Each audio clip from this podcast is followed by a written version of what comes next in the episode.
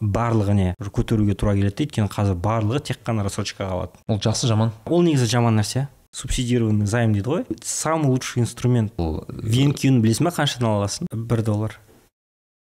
Управление инвестициями тең управление рисками. Өзің білесің ғой шетелде ешкім оны қолданбайды. Депозитке ешкім депозитпен инструмент емес шетелде вообще. А, сәлем достар бүгін бізде қонақта арман батаев мырза болды. Арман мырза бізде қаржыгер қаржылық сауаттылықпен айналысатын және де көптеген инвестициялық компаниялардың а, айналысатын инвестициямен және жалпы айналысатын біздің азамат. Ареке қандай тақырыптарды бүгін қозғадық? Ә, бүгін жаңағы ең басты несиеден бастадық. Ипотеканы есептедік. Қайсысы тиімді жақсы жаман несие туралы айттық. Жақсы да несие бар екенін айтып бердік сосын ә, мемлекеттің ә, жаңағы ә, инвестициялық құралдары жаңағы ақыл депозит туралы айттық иә.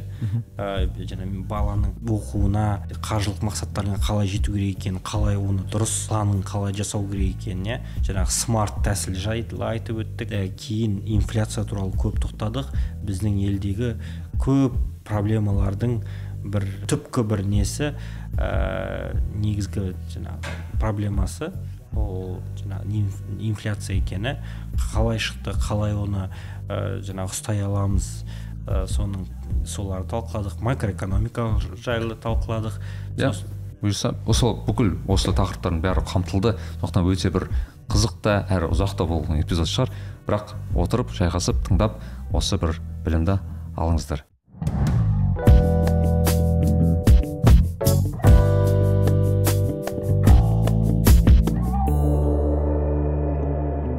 Сәлем достар сіздермен мен нарикбек және Билаев подкасты. Ә, ұмытпаймыз әдеттегідей біздің ә, әдеттерімізді яғни каналға жазыламыз лайк басамыз пікір қалдырамыз бөлісеміз. Осының бәрін жақсы әдеттерімізді естен сақтаймыз. Және бүгін бізде ә, арман батаев мырза қонақта. Арман мырза бізде HQB инвестициялық компанияның дире- ә, негізін қалаушы және де финментор ә, қаржылық сауаттылық орталығының ә, негізін қалаушы деп айтсам Иә, иә. негізін қалаушы. Және де көптеген осы қаржылық сауаттылық және осы қаржы жалпы осы еліміздегі қаржылық ағартушылықпен айналысатын азаматтардың бірі ареке қош келдіңіз. А, рахмет нарикбей шақырғандарыңызға. Иә бұл айта кету керек бұл біздің екінші ә, жазуға ә, неміз ә, Попытка. подкаст. Попытка. Ә, иә бір белгілі бір себептермен бізде болмай қалды бірінші рет бірақ ә, осы жолы иншаллах бұдан да күшті жазамыз деп ойлаймын. Ә, иә О, ареке қош келдіңіз. Біз қазір астанадамыз Ә, арекенің ә, ә, офисі бір бір елу метр жер- жиырма одан да аз шығар иә иә қарама қарсылар қарама қарсы тұрмыз осы жерде астана хабтың ыыы офисында. Иә ареке біз өте көп тақырыптарды қозғамақшымыз өйткені бүгін біз ең мен, мен мені танитын әзірге білмеймін енді. Одан көп танымайтын шығар. Қаржылық сауаттылық және жалпы еліміздегі қаржы және финанс ыыы былайша айтқанда экономика тұрғысынан ең мен білетін мамандардың бірі. Ә, сондықтан ыыы ареке көп рахмет келгеніңізге. Ә, бүгін бірнеше тақырып қозғамақпыз ең ең үлкен содан бірі ә, менің ойымша ә, өзімізді орысша айтпақшы ә, личный финанс дейді біздің жеке қаржы дейміз ба? Жеке иә жеке қаржы. жеке қаржы деген бір тақырып бар. Ә, оған байланысты сұрақтар да ә, көп. Оған байланысты ә, тақырыптар да көп. Бірақ өте оңайдан бастап болады. Ол несие. Мхм. Жалпы бүгінгі под, ә, подкастта біз ә, әрбір былай қаржылық бір терминге басында бір ә, түсініктеме беру керек деп ойлаймын. Тіпті біз білетін деп ойлайтын дүниеге келеді әзірге қа- қареке мысалы ә, несие деген ұғымды қалай түсіндірер едіңіз жалпы халыққа? Өзіңіздің ойыңызша. Ә, несие ол бір қаржылық құрал. Иә? Өзіңнің ә, бір мақсат қойған затыңды ә, алуға жеткіліксіз ә, қазіргі мүмкіншілігің жеткіліксіз болған кезде сол кезде бір ә, не дейді ғой ә, плечо иә? То есть сенен ә, там біреу, біреу саған көмек береді. Итермелеп қолдап жүретін. Иә қолдап жүретін. И ол әр пышақ секілді бір құрал да. Сен оны қалай қолданасың өзің білесің иә? Пышақпен ет кессең болады жеп. Адам кессең болады.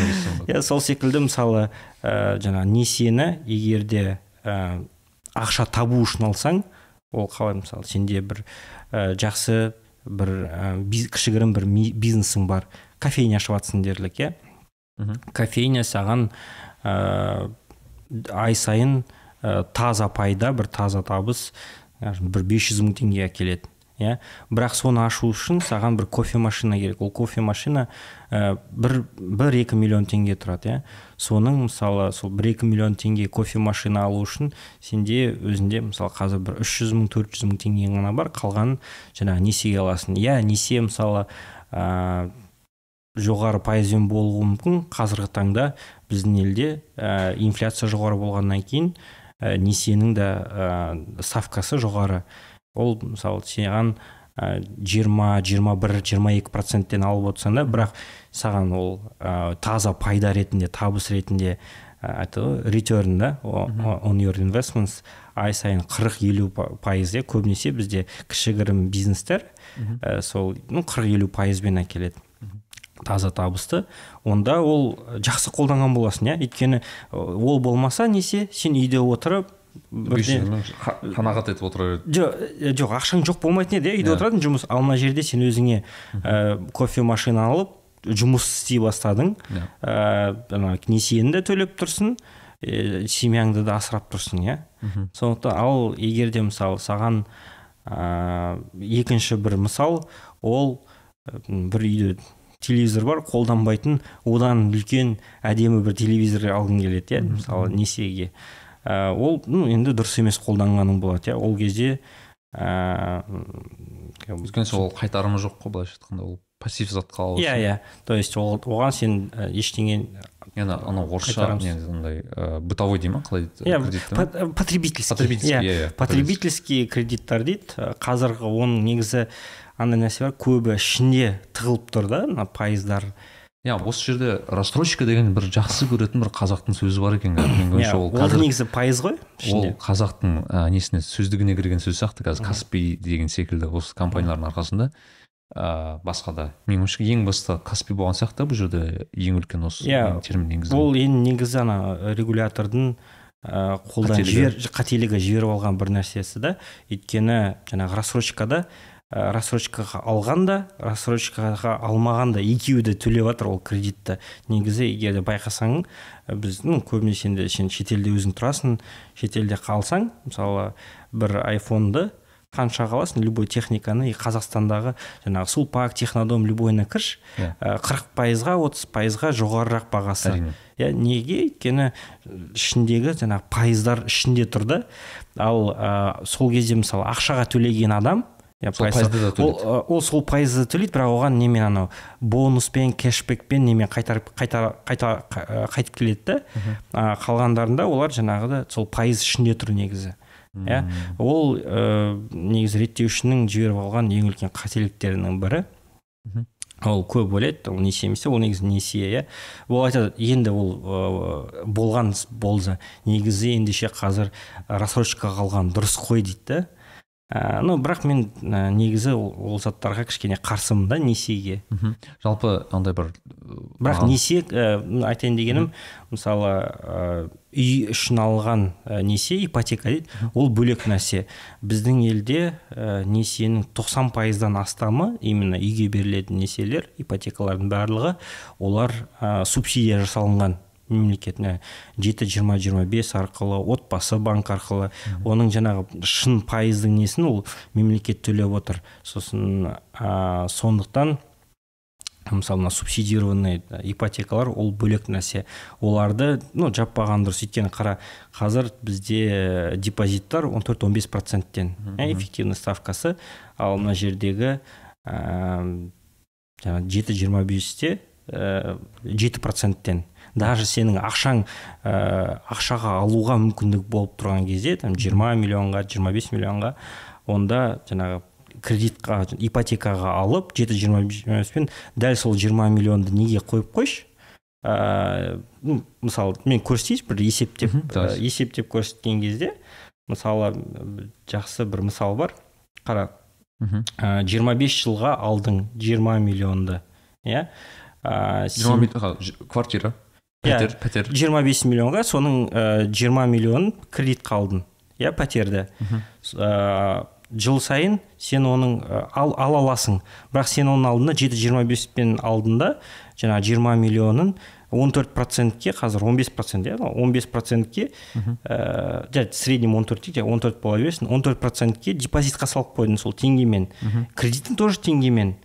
Ә, дәл сол ақшадан сосын сен не істейсің? Ай сайын жаңағы неңді де төлеп отырасың. Ай сайын төлейтінің жүз қырық бір мың теңге.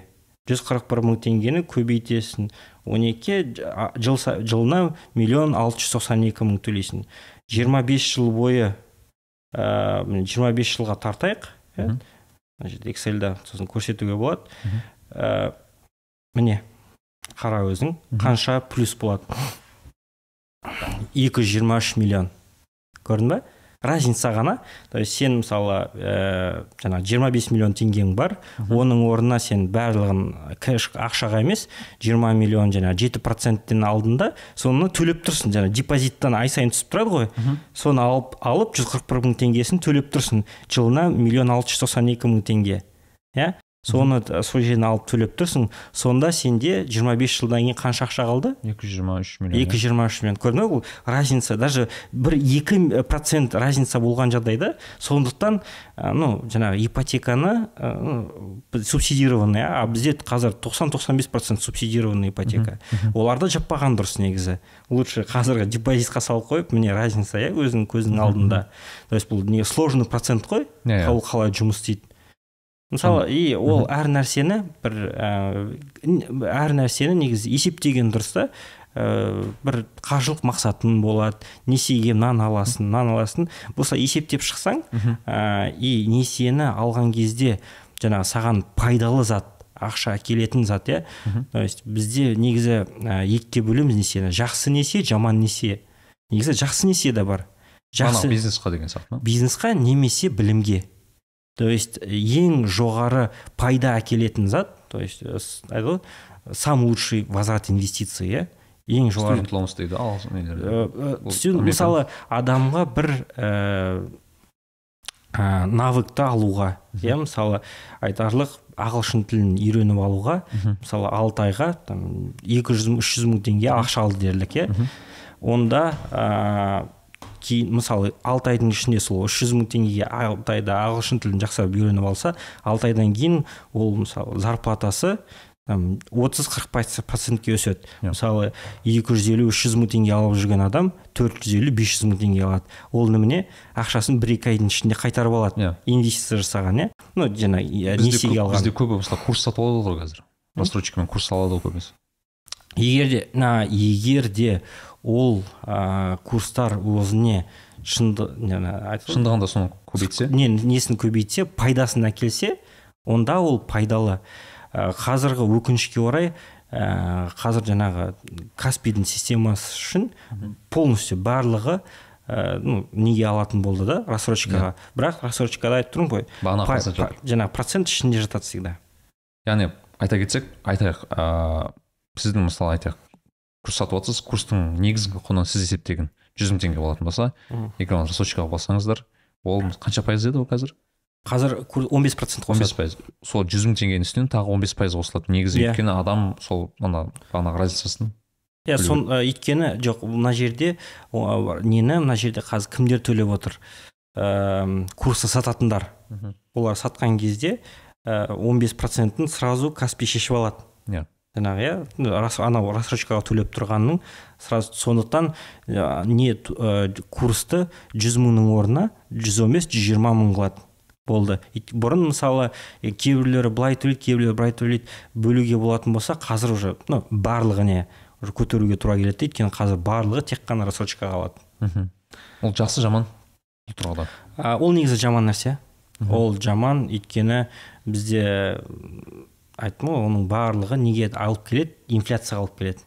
Иә. өйткені барлығының бағасы все время Өсіп- өс, өсіп отырады жыл сайын. Бағана сіздің есептеуіңіз бойынша бір мынандай критика естуі мүмкін. Мен естіп те жүрмін оны. Мысалы тіпті менің ойымша арман сүлеймен досымызға сіз подкаст жазып барсыз тіпті соның астында да комментарийлерде бір кейбір кезде жазып қалады. Мысалы сіз бағана ипотеканың ә, депозиттің процентін айттық. Қанша? он төрт он төрт 14, пайыз он аха. төрт пайызбен есептедік иә он төрт пайыз ну қазіргі ставка ғой. жиырма миллион біз қараңыздар қандай есептеу жасадық біз жиырма миллион алдық. жиырма миллионда он төрт пайыз депозитке салдық. жиырма бес жыл күттік. жиырма бес жылда ол ыыы ай сайын сен ол ақшадан неңді төлеп тұрдың. жаңағы жүз қырық бір мың теңге иә. ипотекаңда. Ипо- и- ипотеканы төлеп тұрдың. А соның өзінде сенде екі жүз жиырма 23 үш миллион теңге қалды. Қалды иә.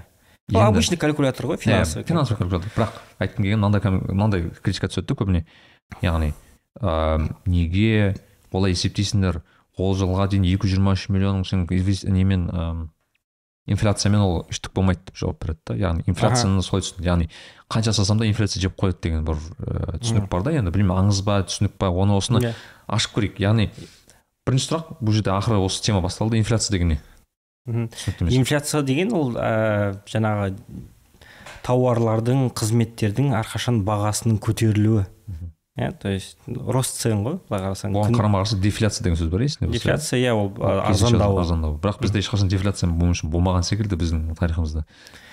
Ну кейбір кезде ну егер де логистика жақсарса жаңағы конкуренция болса ол кезде кейбір заттардың бағасы ә, қысқа мерзімде түсуі мүмкін. Мхм. Ә, болуы мүмкін зат. Ал ә, немесе курсовой разница мысалы кезінде жаңағы не қатты түсіп кетті. Рубль. Біздікілер көп заттың рубльмен алады. Сондықтан ә, кейбір заттардың бағасы түсуі мүмкін. Бірақ ә, сатушы негізінде бір бағаға үйреніп алды ма ол түсіргісі келмейді. Иә. өйткені ә, қайтадан көтеру қиындау болады. Иә ол біледі ғой өйткені. Біраз уақыттан кейін бұл қайтадан ә, көтеруге тура келеді. Адамды көтер үйретіп алғаннан кейін оны түсірмейсің да негізі бағасын. түсінікті. Жаңағы сен критика айтып жатрсың иә критика дегенде яғни мысалы біз инфляцияны түсіндік яғни айтқысы келгені бағанағы екі жүз жиырма үш миллионды айтады да мысалы даже тоғыз жиырма бес жылдың ішінде ол ол да копейка типа копейка деп айтады иә ол қаншалықты рас? Ол ол бізде ну есептеуге болады әрқашанда мысалы негізі бір адам бір нәрсені критиковать етсең негізі есептеп ашып тексерген дұрыс та. Бізде орталама инфляция сегіз соңғы он он жиырма жылдың ішіндегі сегіз точка елу жеті қателеспесем. Сегіз точка елу жеті болды. Ал ә, Депозит депозиттің несі? он екі. Он екі. Средний. яғни қазір он төрт өткен жылы екі жыл бұрын тоғыз болды. Оның алдында он екі он бір. То есть в среднем соңғы ә, он жылда он екі болды. Сондықтан ә, айтады ғой real rate real interest rate он екі минус сегіз точка елу жеті үш точка қырық үш. Үш пайыз ғой негізі үш точка қырық үш. пайызбен есептесек ол басқа сумма болады яғни. Жоқ жоқ бұл ә, бұл енді айтады ғой ол копейка болып қалады дегенде иә бірақ ә, былай шыны керек копейка болып қалмайды. Иә. иә өйткені все равно бізде ә, шетелдегідей емес бізде шетелде олар инфляция таргет всегда екі процент ал депозитті нөл бір там бір проценттен төмен ұстап тұрады да. То есть оларда мотивация чтобы ақша экономикада жұмыс істеп керісінше ұстамаған қалайды ғой. Иә ұстамаған ғой чтобы ақша жұмыс істеп тұрған кезде. А бізде бағалар все время өсіп жатқаннан кейін всегда э, ну депозитті э, и жаңағы нені айтады ключевая ставка дейді бізде оны жоғарырақ ұстайды да инфляциядан чтобы яғни еуропада жалпы батыс батыс мемлекеттерде мысалы инфляцияның ә, процентімен пайызымен ә, депозиттің пайызы ә, инфляцияның пайызы жоғарырақ болады депозиттікіне иә? Себебі бұл ақша экономикаға жұмсалу керек деп есептейді. Бізде керісінше болады. Иә сондықтан ә, абсолютно құнсызданып полностью құнсызданып қалады. Иә ол құнсызданады. Иә? Бірақ ә, соның өзінде қалады ақша. Қалады бірақ құнсызданады. Мхм. Окей. Ыыы бұны түсіндік. Енді ыыы жалпы тұрмыстық кредиттерге келетін тұрмыстық несиеге келетін болсақшы мысалы ә, сонда бірден бір лайфхактардың бірі мен мысалы айтамын да көбіне егер бір туысым немесе үйдегілер бағана бірақ таныстарым қара қазір мына жердегі бітіре кетейік. Иә. Ә, мына жердегі ақшаны сразу андай ғой. Егер де сен ә, ол осы ә, мысалда ол ақшаны бергеннен кейін ол ақша жоқ болатын еді. Ал мына жерде сен ә, андай да ә, жоқ ақшаны бар, бар қылып жасап отырсың да то есть ә, ол ақшаны негізінде сен сразу квартираға төлеп тастаған кезде 25 миллион все сенде тек қана квартирамен болатын едің. А 25 жылдан кейін условно біраз жыл, жыл өткеннен кейін сенде и квартира бар И и 223 миллион бар иә? Как бы екі вариант тұр ғой сонда бір екі жүз жиырма бес миллион біз э, имеется в виду как бы не выбираем да, из плохого да мы выбираем что лучше дегенде иә бірақ ұзақ мерзімді иә айта кететін зат. Э, иә процент деген жалпы ол ұзақ лонг терм не ғой стратегия емес па негізінде көбінесе? Мхм. Мына жерде не бар? Иә long term ол жаңағы күрделі пайыз дейді Иә, сложный проценттің мынандай свойс- свойствосы бар. Ол ә, жаңағы тейл ә, несі бар? Именно өзінің результатын андай графикта помнишь? Нәтижесін нәтижесін соңында қарай жақсы көрсетеді. Именно- ол график емес былай былай келеді иә иә Иә, иә аха именно curve дейді ма сондай? 20 жылдан кейін бізде мысалы ә, адамдар ә, жаңағы сенбегеннен кейін депозитқа көп нәрсеге олар ешқашан олай ұстап көрген жоқ иә өйткені ешкім жиырма жыл ұстамаған ғой депозит иә иә ұстамайды да ешкім Ә, сондықтан ну бірақ біз негізі депозит емес кейін уже аша жатармыз тақырыпты депозиттан да басқа результаттар. Бұл тек қана бір кішкене мысал ә, ұғатын мысалы адамдар бізде өйткені екі ақ инструментті біледі. Депозит и үйді жалға беру иә. да? Екі ақ инструментті білгеннен кейін сол ә, мысалдармен көрсеткен дұрыс та. Иә. ал қазір негізі ол инструменттерін қазір аша жатамыз иә? Шетелде негізі қай жерде ұстайтын өзің да мен де басқа жерлерде ұстаймыз иә? Иә. Ыыы, иә айта кетерлік зат жаңағыны ыыы бұл оңай емес. Бұл ба- бағана күрделі пайыз дегенге байланысты ол күрделі пайыз деген енді мен өте профанский түсініктеме бойынша ол белгілі бір пайыз болса айтайық бір бағанағы сегіз пайыз десек немесе он пайыз десек ол көп емес болып көрінгенімен иә баста біраз уақыттан кейін біраз уақыттан кейін особенно себебі- жиырма жылдан кейін пайыздың үстіне пайыз. Иә өйткені ол мысалы бірінші мысалы айтайық жүз мың болса жүз мың теңге болса айтайық он он пайыз ол он мың теңге. Мгм. бірақ келесі он пайыз ол жүз он мың теңгенің он пайызы. Дұрыс қой. Иә аха. И мына жерде сразу бір дисклеймер. Ә, сразу мысалы адамдар даже тыңдамай жатып айтады да е пайыз харам анау мынау сразу да лучше перебьем иә сразу айтайық. Бұл бір мысал ретінде көрсеткен да иә. То есть пайыздың өзі ол харам зат емес иә. инструмент егер де- қолданатын. А, пайыздың өзі иә то есть инструмент иә егер де ақшаның үстіне ақша жасалып жатса онда ол иә там риба деп есептеледі иә бірақ ә, как таковой там риба болсын пайыз болсын ол бір не да? То есть ә, сен анау ә, сүттің да ә, қайда ғой майлылығының пайызы болуы мүмкін иә то есть сөзді адам дұр кішкене дұрыс қабылдау керек та. Ал біз негізі қазір дұрыс құралдарын қа- ә, айтамыз иә былай түсіндірген дұрыс иә. Бұл бір бір инструменттердің бірі біз мысал ретінде кетемін өйткені бұл Барлығы біздің мемлекет тіпті біздің халықты қолданып қалса қазір ол халал тұсын кішкене біраздан кейін аша жатармыз мхм ыыы иә күрделі деп түсіндік. Енді қараңыз ә, тұрмыстық техни ә, тұрмыстық ыыы кредиттер дей ма тұрмыстық ә, несиелерге байланысты ше. Сонда мен кейде мынандай бір ә, ұсыныс айтамын да яғни егер біз бағанағы біз айтқан технодом сулпак тағы басқа ә, магазиндерден 30-40 пайызға кейде қымбатырақ сатылған дүниелерді алғымыз келмесе онда оны қайдан алуымыз керек? деген сұрақ. Егер осы нені төлемесек ол тек осыдан дербес сататын магазиндерден ба немесе ну лайфхак ретінде. Иә. То есть мен оны ол біздің регулятордан айтып тұрмын ғой. Иә. кезінде жіберіп алған заты қазір сулпак технодом мечта қай қайсысы болсын олсыз уже жұмыс істей алмайды өйткені адам уже алмайды рассрочкасыз. То есть ол үйретіп тастаған ә, егер де сен оны жоқ мен былай ақшаға сатамын десең сенен ешкім келіп алмайды сен банкротқа кетесің иә. Ал ә, мен мысалы жазда ғана осы а, қашан? Августтың соңында иә. Ә, неме өзім қарындасым студент иә магистратурада оқиды. Кетіп бара жатқан кезде ә, макбук алып бердім.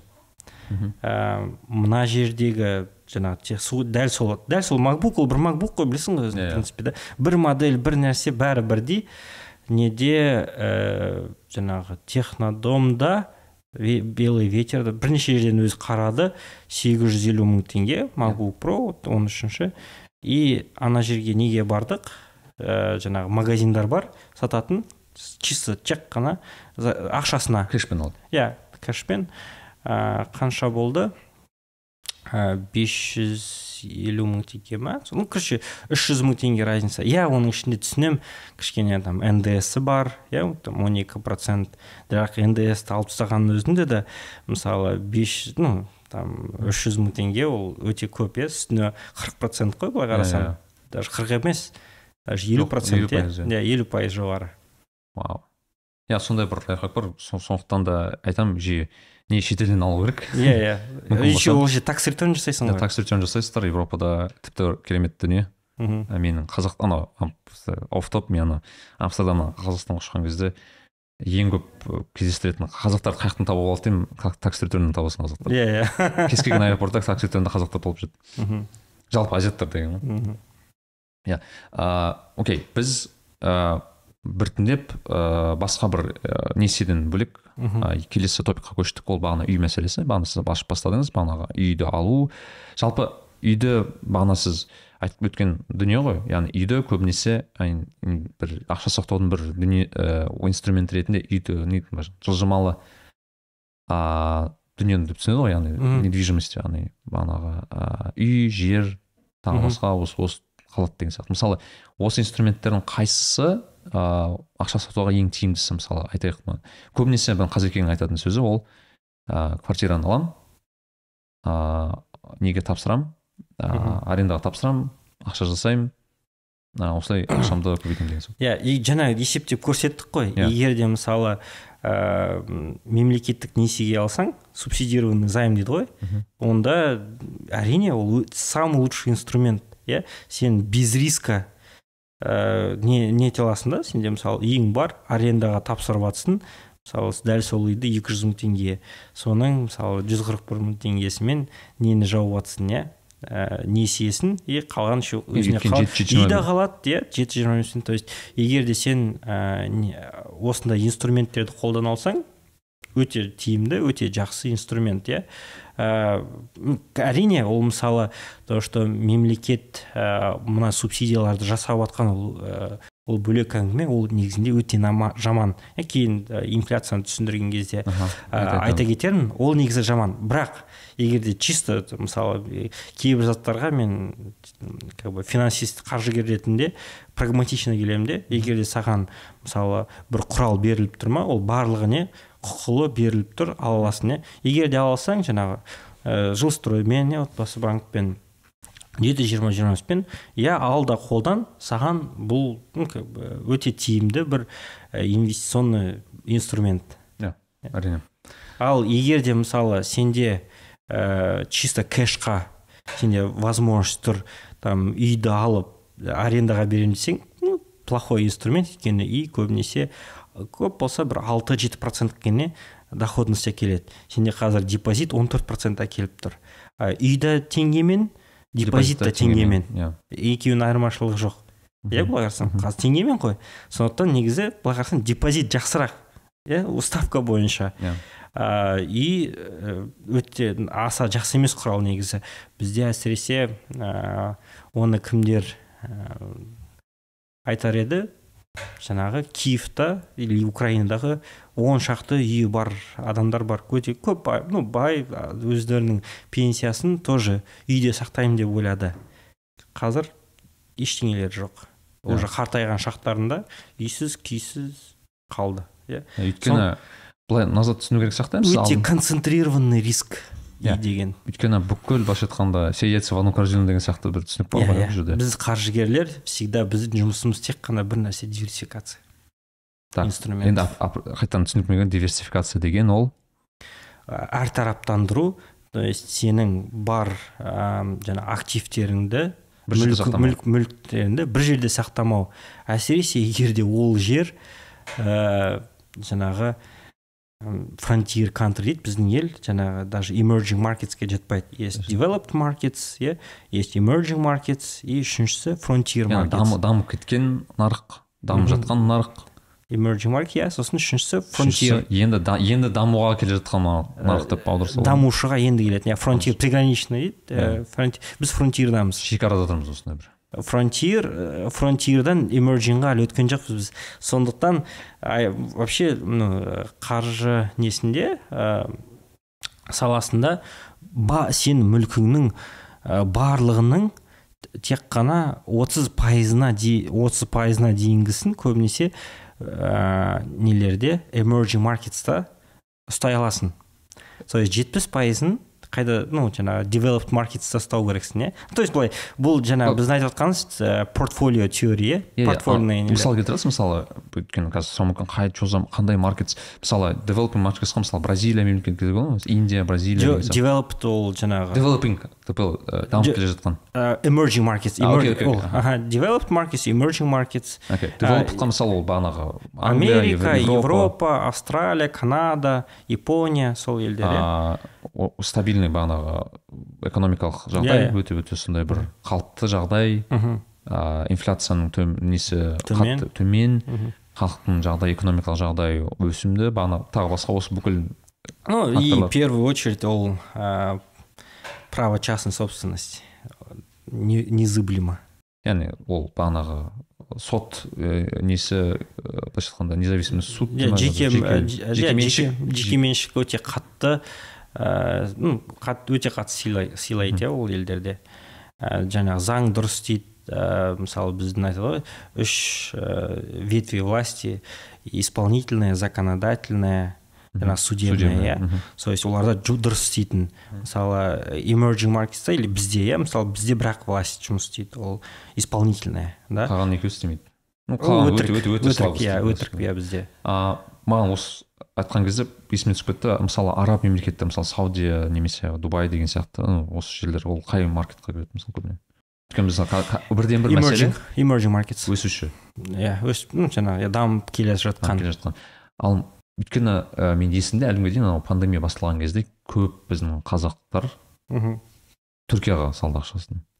Ә, түркияға қалай салды? Ә, бағана анталиядан ыыы өте компания көбейіп кетті мен есімде әлі күнге дейін анталиядан кемер тағы басқа ә, неден квартира сата бастады бірақ олар тұру үшін ғой көбінесе. Тұру немесе өздерін қазақтарға бір жалға беру сондай мақсатпен шығар көбінесе. Білмеймін мүмкін бірақ кейбіреулер тапсырамыз тағы бірақ ш- шетелде үй алу ол обратно ә, мен мысалы қаншалықты басында енді бастаған кезде біз не, не ретінде финансовый консультант ретінде ә, көп қаржылы адамдарға неттік көмектесіп отырдық.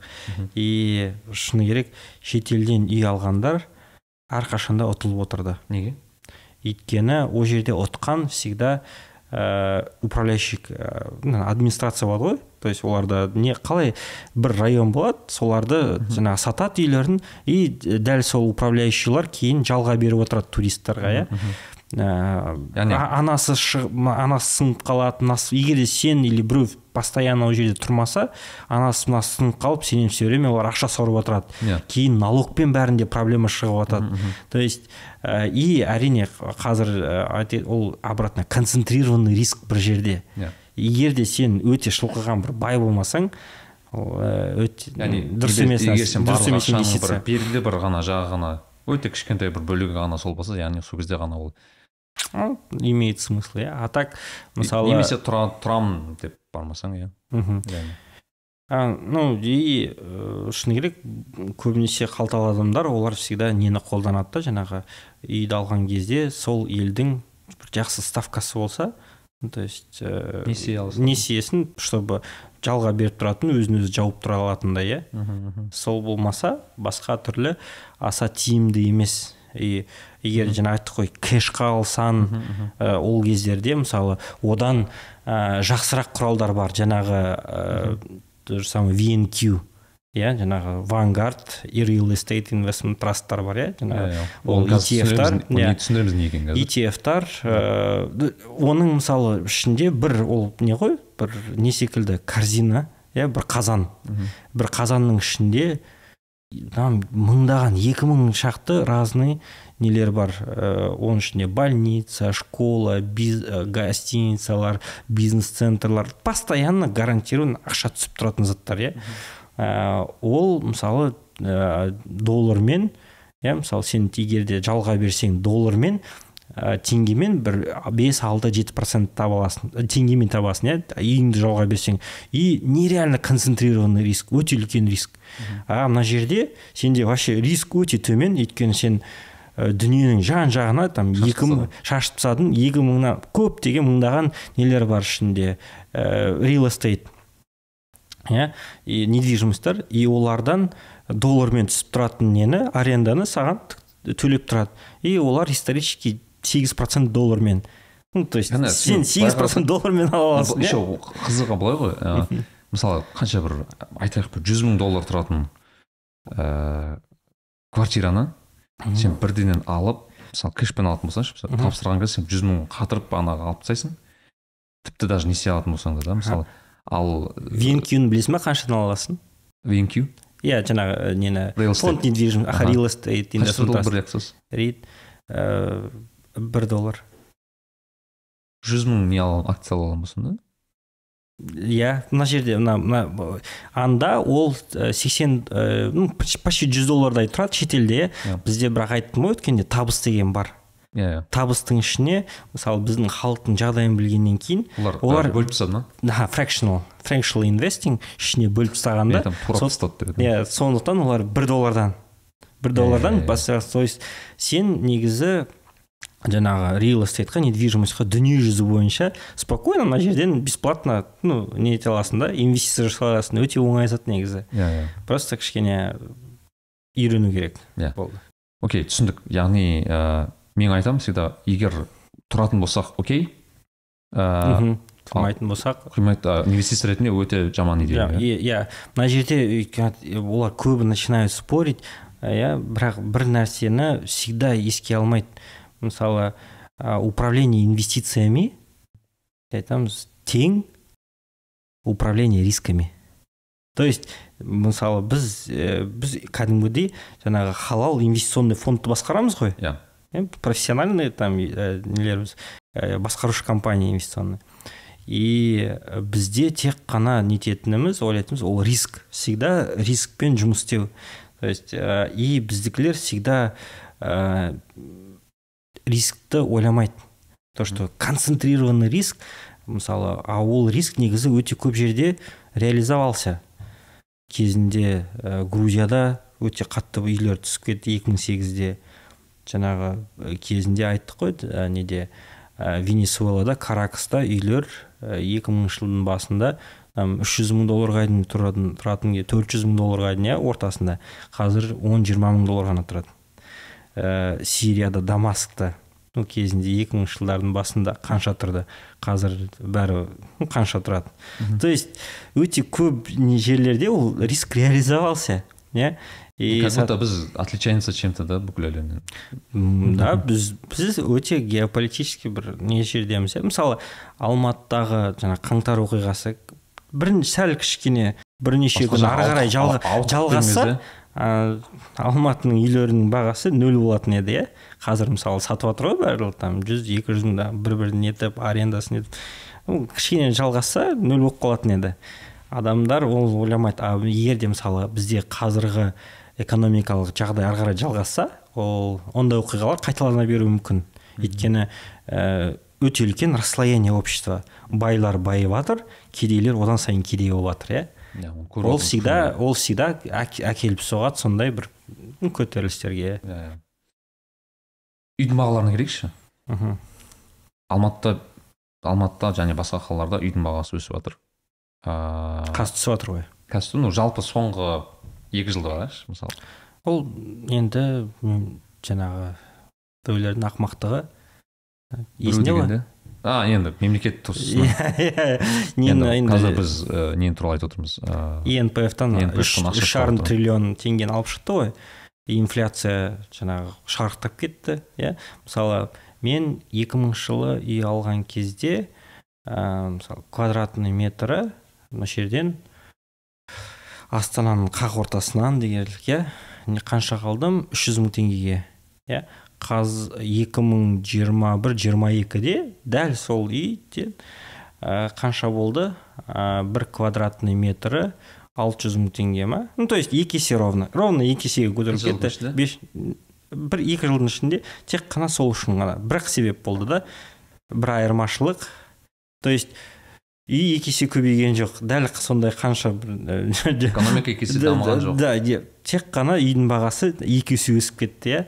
Ә, сосын ол кейбіреулер там схемалар жасап алып шықты сатты бір біріне туысқан дос анау. Мынау сосын алып шығып ол экономикаға барлық келіп құйылды.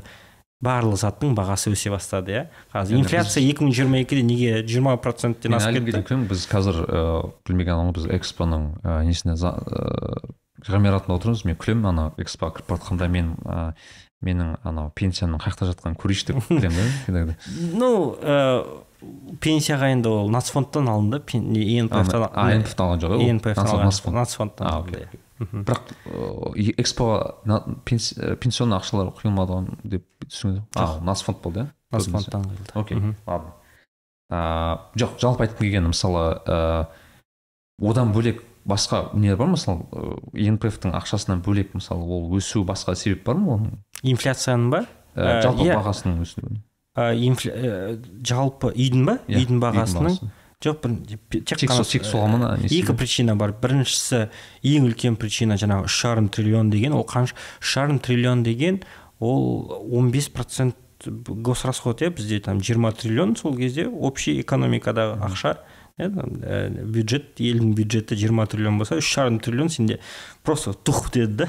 То есть жоқ жерден пайда болды. Соответственно егер де ә, жаңағы сен инфляция болмау үшін ол ақшаның несі массасы ол қанша всегда сен ә, қанша ввп ә, қанша сен қызмет пен тауарлар өндірдің сол ғана болу керек ал біз мысалы ақша көбейді бірақ біз соншама қызмет пен тауарды экономикада өсірген жоқпыз. Солай ғой. Иә. Ну услуга пропорция сақталмады иә сақталмады. Соответственно не болды? Бар тауарға бар үйге баға өсті просто иә. Иә. бір жерден шығу керек қой ол. Сондықтан ол пузырь иә. И бұл пузырь жарыла ма жалпы? Қалай ойлайсыз? Көбінің сұрағы осы а, ғой пуз, пузырь оны енді ә, мемлекет біледі қайтадан бізде барлығы ә, жаңағы ручное управлениеда ә, баяғыда жарылушы еді. Егер де жаңағыдай программалар болмаса жеті жиырма жиырма бес деген отбасы банк деген бағана мемлекеттік программалар сол пузырьды жарылмау үшін ұста- ұстап тұрған иә инструменттер ма? иә иә. Ол ә, ол тағы да бір себеп ә, чтобы сол ары қарай пузырь жалғаса берсін деп. Өйткені ә, адамдар ол кэш ну аз өте аз адамда бар ғой сондай кэш чтобы қырық елу миллионға сразу ала салатындай. Тек қана несиемен алады иә? Несиені қазір үйдің ипотеканы беріп жатқан кім тек қана жаңағы отбасы банк. Есі дұрыс адам ә, жаңағы жиырма екі проценттен барып ешкім несие алмайды жиырма бес жылға ол страшно үлкен ақша иә? Иә. жаңағы несі көп ну көбейеді. Иә иә. Үстінен пайыздың үстіне ол барып жаңағы отбасы банктан бес проценттен сол алады былай қарасаң біз осыған дейін ә, абзал мырзамен нарымбетов мырзамен сөйлестік. Ол көбінесе бағанағы сарапшы сарапшы.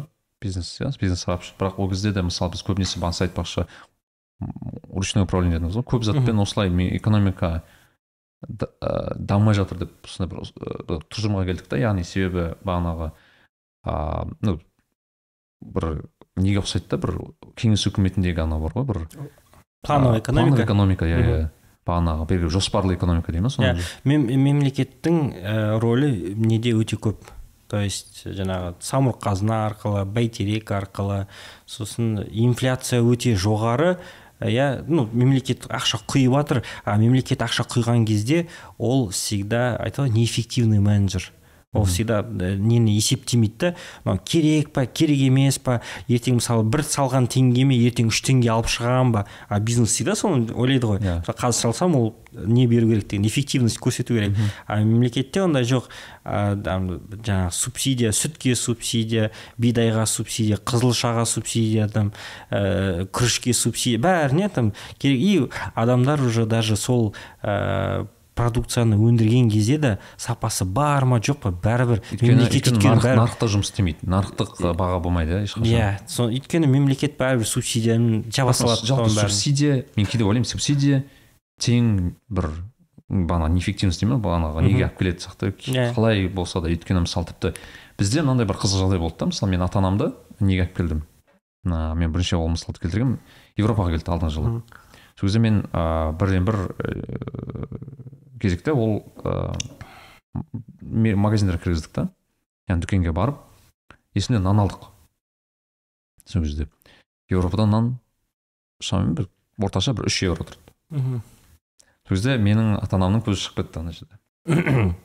Иә айтты мынау не деген сұмдық? деді. Мынау қалай үш евро бұл мың жарым теңге қалай нан мың жарым теңге тұрады? деп потом автобусқа отырамыз автобуста ым, э, евро ну тоже екі жарым үш евро бір не уже мың жарым теңге. Олар қайтадан қалай ол бізде қанша тұрады мынау? Ол қымбат қой мынау сұмдық келе жатырмыз келе жатырмыз келе жатырмыз сол кезде енді мен үндемей жатырмын сөйтіп біраздан кейін айттым мен тоқтадым да айттым «ә, негізі тоқтайықшы дедім да бұл жерде бұл жерде былай түсінейік деймін бізде мына жерде қымбат емес деймін. Ол бізде арзан деймін. Деп түсіндірдім да. Ұстап тұр субсидия арқылы иә. Өйткені оның шын бағасы сексен теңге емес нанның бағасы сексен теңге емес жүз жиырма теңге де емес. А нанның бағасы бір төрт жүз үш жүз білмеймін қанша бір шын бағасы білмеймін қанша екенін оның қазір иә оның несі айта берсең ол ол жаққа может кірмей ақ қоямыз өйткені мен қазір кіріп кетсем ол жоқ жалпы айтқым Иә, келгені иә, осындай. аха, ол- субсидия есіме түсіп кетті да яғни бұл бұл кейде үкіметке байланысты мен кино көбірек ашып жатамыз бірақ айтқым келгені бізде субсидия көп затты басады да бағана транспортна проезд жүз теңге тұрмайды яғни сексен теңге тұрмайды ол эффективный емес дегенде. Түр- түрлі түрлі мәселелер бар бірақ айтқым келгені бір субсидия бір не секілді көрінеді да бағана сдерживающий фактор дей ма вот осыны бағанағы как будто өте жаман нәрсе негізі. Ол өте жаман. То есть когда ә, экономика ол жаңа более устойчивый дейді ғой более тұрақты жақсы болады когда ол ә, жаңа нарық шешкен кезде. Рыночный иә өйткені бизнес шешеді. Ал егер де сен жаңағы барлығын осы ұстап тұрсаң бизнес кірмейді ол ешқашан. Ол ақымақ ақымақ емес қой. Зачем ол адамдарды тасиды сексен теңге? Ол мемлекет тасиды. Мемлекет будет субсидировать иә чтобы адамдар тасығандай. Немесе жаңағы ә, ну қалай сенде ә, нан солай азан. Өйткені мемлекет алады да шетелге сататын мұнайды алады да елдің ішіндегіге сатқызады бесплатно. Ну өте өз бағасымен себестоимостьпен бергізеді. Сосын төмен бағамен ә, жаңағы фермерлерге чтобы олар жаңағы и субсидия береді ә, кейін. Содан кейін шетелге шартқызбайды квота қояды. Сондықтан соның арқасында елдің ішіндегі ә, жаңағы бидайдың ұнның сосын жаңағы нанның бағасы төмен болады иә? Ол как бы механизмдары ол өте көп бірақ бірден бір себебі өйткені ә, халықтың шын бағамен алатын жағдайы жоқ. Халық өте кедей көбі. Иә халықта егер де жаңағы шын бағалармен барлық жерге кел- келсе көп заттарға особо сзпт дейді соци- социально значимые там продукты питания да, оларға да, продуктовая корзина дей ма Ә, оларға шын бағамен алатын болса ә, қаңтар оқиғасы күнде ә, жыл сайын қайталанады жыл сайын болады жыл сайын болады иә. Өйткені сондай болмас үшін сен олар жаңағы заттарға ұстап тұрады. И ә, бірақ негізі тұра ма деген сұрақ қой- сұрақ қой бұл жерде иә біз негізі ұзақ ұстап тұра алады иә ненің ақшасы бар мұнайдың ақшасы нацфонд бар. Ә, бірақ жаңағыдай айттық қой ол тек қана экономика дамымайды. Экономика все время мына ә, кедейлер кедейе береді иә инфляция болады а байлар ба- өте аз бай береді иә мысалы сіз білесіз бе біздің елде мысалы қанша ә, депозиттарда ақшасы бар адамдар ол қанша? екі жүз үш жүз мың ғана иә? То есть нөл бір процент. Иә. Бізде халықта ақшасы бар негізі иә? Сондықтан әм, Иә. ол көтере алмайсың бағаны. Иә кейбір заттарға мен келесі тақырыпқа көшкім келіп жатыр давай келесі тақырыпқа көшейік. пенсия. Өте қиын жағдай болады. Жаңағы өйткені барлығына ә, алып шығуға рұқсат берді. Ну, бірнеше ә, факторлар бар. Пенсияның ә, мысалы қалай пенсиядан қай, қай жерден бастасақ? Пенсия ә, ішіндегі алып жатқан үш неден тұрады. Иә біріншісі базовый иә где то бір қазір отыз қырық мың теңгенің арасындағы ол базовый пенсия ол барлығы алады всегда. Екіншісі ол солидарная часть дейді. Иә ол ә, 98 жылға дейін жұмыс өтілі бар адамдар ала алады. Мхм и үшіншісі накопительный. Ол сен өзің қанша жидың тердің соны аласың. Қазір ә, жылдан жылға әм, 98 жылға дейін еңбек өтілі бар адамдар аз. Иә. иә? Сондықтан олар солидарный частьті уже азайып келе жатыр. азайып келе жатыр. отыз жетінші жылдан кейін вообще ешкім алмайды ну нөл. И ол жылдан жылға и так азайып келе жатыр. Өйткені тоқсан сегізге дейін еңбек өтілі азырақ болады. Значит ә, не ғана қалады. Жаңағы накопительный. базовый Э, базовый болады. Енді ол қазір отыз қырық мың теңге жаңағы он жыл болсын жиырма жылдан отыз жылдан кейін ол сол кездегі өте минимальный бір ә, мзп немен тең болады да как бы. Минимум и аз. минимуме минимум Өте что өте аз иә. А основной ол накопительная часть. Ал бізде накопительныйда ә, барлығы алып шықты. Кімде болды? Сондықтан ә, қазір негізі әркім өзінің пенсиясын өзі қолына алу керек. Жауапкершілікті ақшаны ана жерден алып шыққаннан кезде бұрын ол жерде мемлекет жауапты еді иә ол ақшаға. Қазір алып шықтың ба? Енді сен өзің жауаптысың. Өзің оны дұрыс қолдана білу керексің. сұрақ қойсам болады ма осы тұрғыда? Бұл тұрғыда мемлекет мысалы бағанағы пенсиядағы ақшаны шығар деп мүмкіндік берген кезде мемлекет өз жауапкершілігін бір адамдардың өздеріне жүктей салды деген бір түсінік бар ма ол жерде? Енді мысалы Иә. өздерің шығардыңдар енді өздерің өмір сүріңдер осы неге деген сияқты ол мен шыны керек ә, білмеймін қандай бір себеп болды оны істеуге. Өйткені ә, қай жаңағы экономист қаржыгер болсын ол всегда ә, қарсы болды ол шешімге. Өйткені 10-20 жылдан кейін адам шығарғаны туралы ұмытып кетеді ол. Қайда жұмсап қойған жеп қойғанын да ұмытып кетеді ол ақшаны иә кезінде. Соответственно ал өмір сүре алмайды. Өйткені мысалы олар қазір көбі ойлайды ертең балам асырайды анауым асырайды туысқаным асырайды дейді иә. Бірақ ол өмір өмірде не болатынын иә кім біледі? кім біледі иә. Ал ол біл- білмеймін егер де қазір ә, әрине қазір бірдеңелер ойлап мысалы қате екенін уже түсінді қате жасаған өте үлкен бір қателік екенін. Енді оны қателіктің әм, жаңағы жабатын оның қателіктің ә, төлейтін ол ә, работодатель. То есть оған 10 процент емес қазір 15 процент төлеткізейін. Тағы үстіне 5 процент қосайын деп жатыр ә, келесі жылдан ба бір жылдан кейін. Ндс көбейту сол себеп жоқ ндс емес ол ндс ол бөлек ол мемлекетке кететін зат. Мынау именно инпф қа он процент қой бізде. Иә. қазір он беске көтереді оны. Ақшаның шығарғаны қателік екенін енді түсініп жатыр да. Жаңағы о, о жерде ә, тағы да бір ә, пенсияның төмен болатын тағы бір себептері ол жоғары инфляция. Иә. Жоғары инфляция и ә, ол жердегі инвестициялық табысы төмен.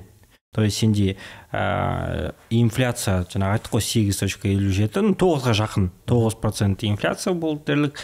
Ә, жаңағы инвестициялық табыс 11 болды. Сондықтан ә, төмен болғаннан кейін адамдар жаңағы депозиттан да төмен. Иә. депозит та төмен болғаннан кейін адамдар ол жерде ә, уже сенімсіздік таныта бастады да.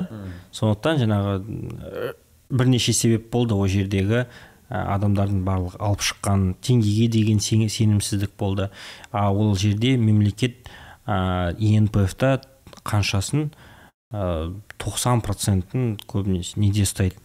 Ә, гцб государственные ценные бумаги. Ә, ол и көбін теңгеде ұстайды жетпіс проценттен кө- көбісін теңге. ә, ешкім риск алғысы келмейді. Өйткені мысалы ә, бұрын жаңағы жеке ә, частный ә, управляющий компаниялар басқарушы компаниялар болды. Иә пенсионныйлармен. Олар жақсы результат көрсетсе өзінің комиссиясын жақсы алады. То есть смысл болды. Ал инпф та сен онда ешқандай нәрсе жоқ қой. То есть жақсы результат көрсетсе көбірек ақша алады деген. Соответственно ол жерде обычный бір менеджер там нац- национальный банкта жұмыс істейтін бір менеджер Иә. оны істеп отыр. Зачем оған рисковать? Ну, смысл жоқ қой рисковать ететін. Иә. ол алады да железобетонно сто процентно бір қалтадан екінші қалтаға ана неге береді да? Минфинға. Минфин сосын оған үстіне он бір процент беріп қайтарып э, қо- қосып беріп отырады иә. То есть ешкім рисковать еткісі келмейді. Өйткені мына жерде риск үшін ақша төлемейді. Ал частный ә, басқарушы компаниялар мысалы бізде өзімізде там да, инвестиционный фонд бар. Біз мысалы егер де там жеті проценттен жоғары көрсетсек комиссия аласыздар. біз комиссия аламыз. Жақсы комиссия аламыз. Егер айтамыз мысалы біз саған 15 процент табыс әкелсек э, жеті процентінен жоғарысынан 25 процентін аламыз. То есть 15 минус 7 ол 8 се, жаңағы 8 көбейту 25 2 процент.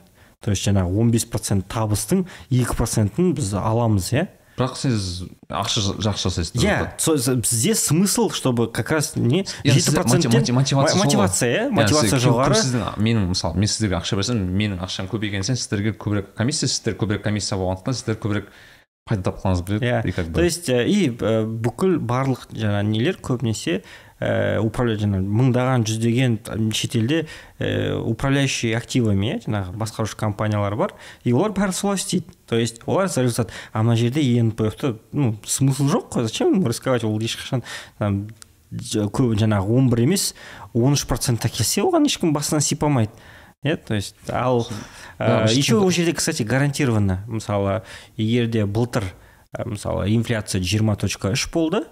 Ал ә, инвестициялық табыс ә, қателеспесем алты болды ма сондай бір нәрсе. То есть разницасын мемлекет төлеп береді а бюджеттен. жетпей жатқан инфляциядан төмен. Иә шыққан кезде пенсияға шыққан кезде айтады мысалы бірақ 20 шыққан кезде шыққан кезде үстіне қосып сол кездегі дефляциямен. Сол кездегі сол жылда табу Сол керек сол жыл табу мысалы керек ақшаны. айтайық бір адам а, пенсия уақытына айтайық ыыы, бір екі мың отызда шықтым мысалы Иә. айтайын.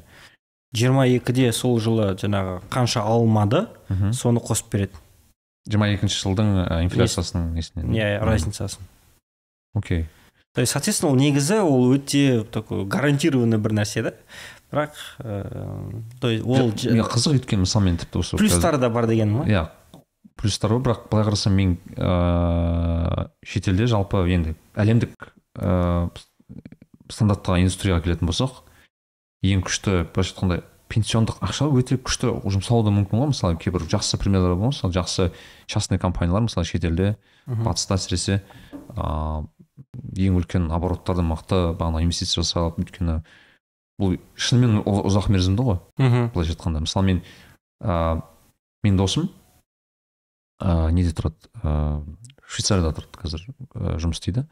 Сол кезде ыыы бағанағы бір мысал келтірген енді мен дәл былай цифрларын келтірумен қазір шатас- шатасуым мүмкін бірақ оларда мынандай системаны түсіндірді да үш м, үш ә, деңгейлі пенсия пенсия пен- ә, пенсионный бір системамыз бар деді да жүйеміз. Яғни біріншісі мемлекеттің өзінен екіншісі бір работодательден или бір нәрседен үшіншісі тағы өзің дополнительный аласың. И қызығында осы үшеуін қосқан кезде есептеуім бойынша егер сен обычный бір білмеймін ыыы жұмыста істеп ешқандай бір өзіңе бір қатты өзің былай ыыы шектемей бағана жұмыс істеп өмір сүрген кезде шамамен бір елу бес алпыс алпыс беске келген кезде сенен бір кемі бір бір екі миллион болады екен да?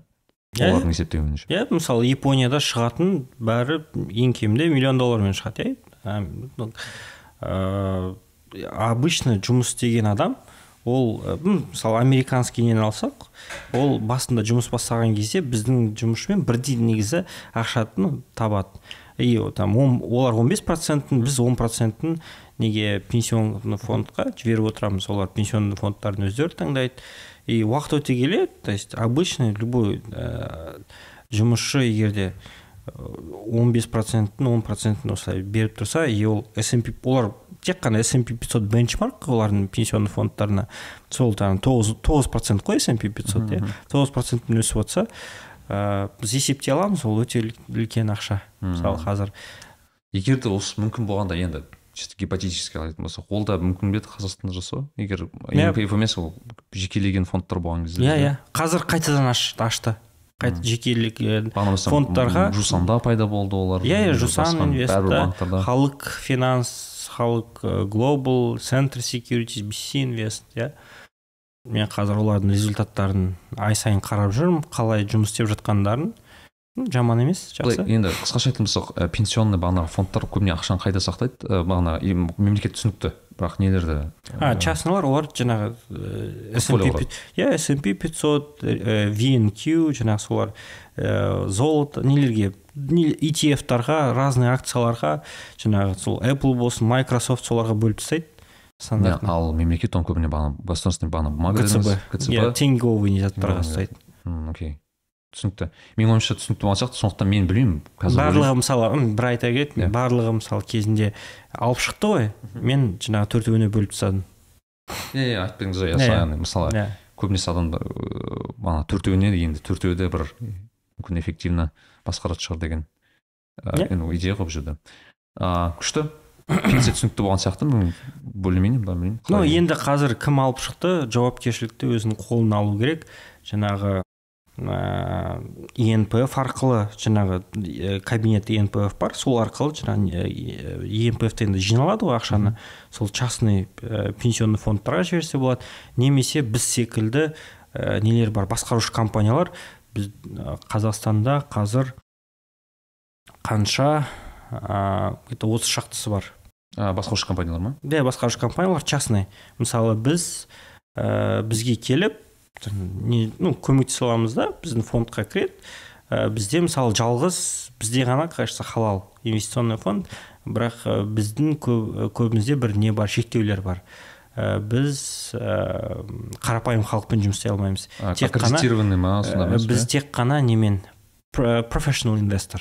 То ол есть- оның несі түсіндірмесі қандай professional investor деген? Ол? ең кемінде жаңағы бүкіл активтары әсет жүз елу мың доллар. Иә. И ең кемінде біздің фондқа елу мың доллар салынады яғни барлығы ыыы тотал жүз елу мың болу керек. Мхм. Және сіздерге кемі елу болу керек. Ол ә, бағана регулятордың несі? иә қойған несі. Қойған талабы иә? Мфцадағы барлығы жаңағы отыз шақтысы бар барлығы солай.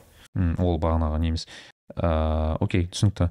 Ам, басқарушы компания түсінбей жатқан кісілерге болсын басқарушы компания ол шамамен мысалы мен айтайық сіздің компанияңызға елу мың доллар салдым.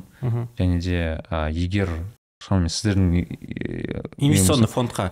басқарушы фонд басқарушы компания ол жаңағы фондты тек қана басқарады. Басқарады салып иә, иә ақшаны өзіне немесе басқа жерге жібере алмайды. Ол фондта жаңағы каста деп ну, брокерский счетта сонда болады. Э, то есть э, енді осы тұрғыда біз тек қана сол үшін комиссия ғана алып отыра иә, аламыз. яғни комиссия алады бірақ сіз есімде өзіңіз айттыңыз жеті, жеті пайыздан ғана жоғары. Иә табысы жоқ ол мысалы әр фонд әр управляющий компанияның өзі шешеді иә өзі шешеді біз мысалы халал болғаннан кейін кішкене бәрі халал болсын деп имеется в виду ә, ақша алсақ тек қана көрсеткен бір ә, результат үшін ақша алайық деп.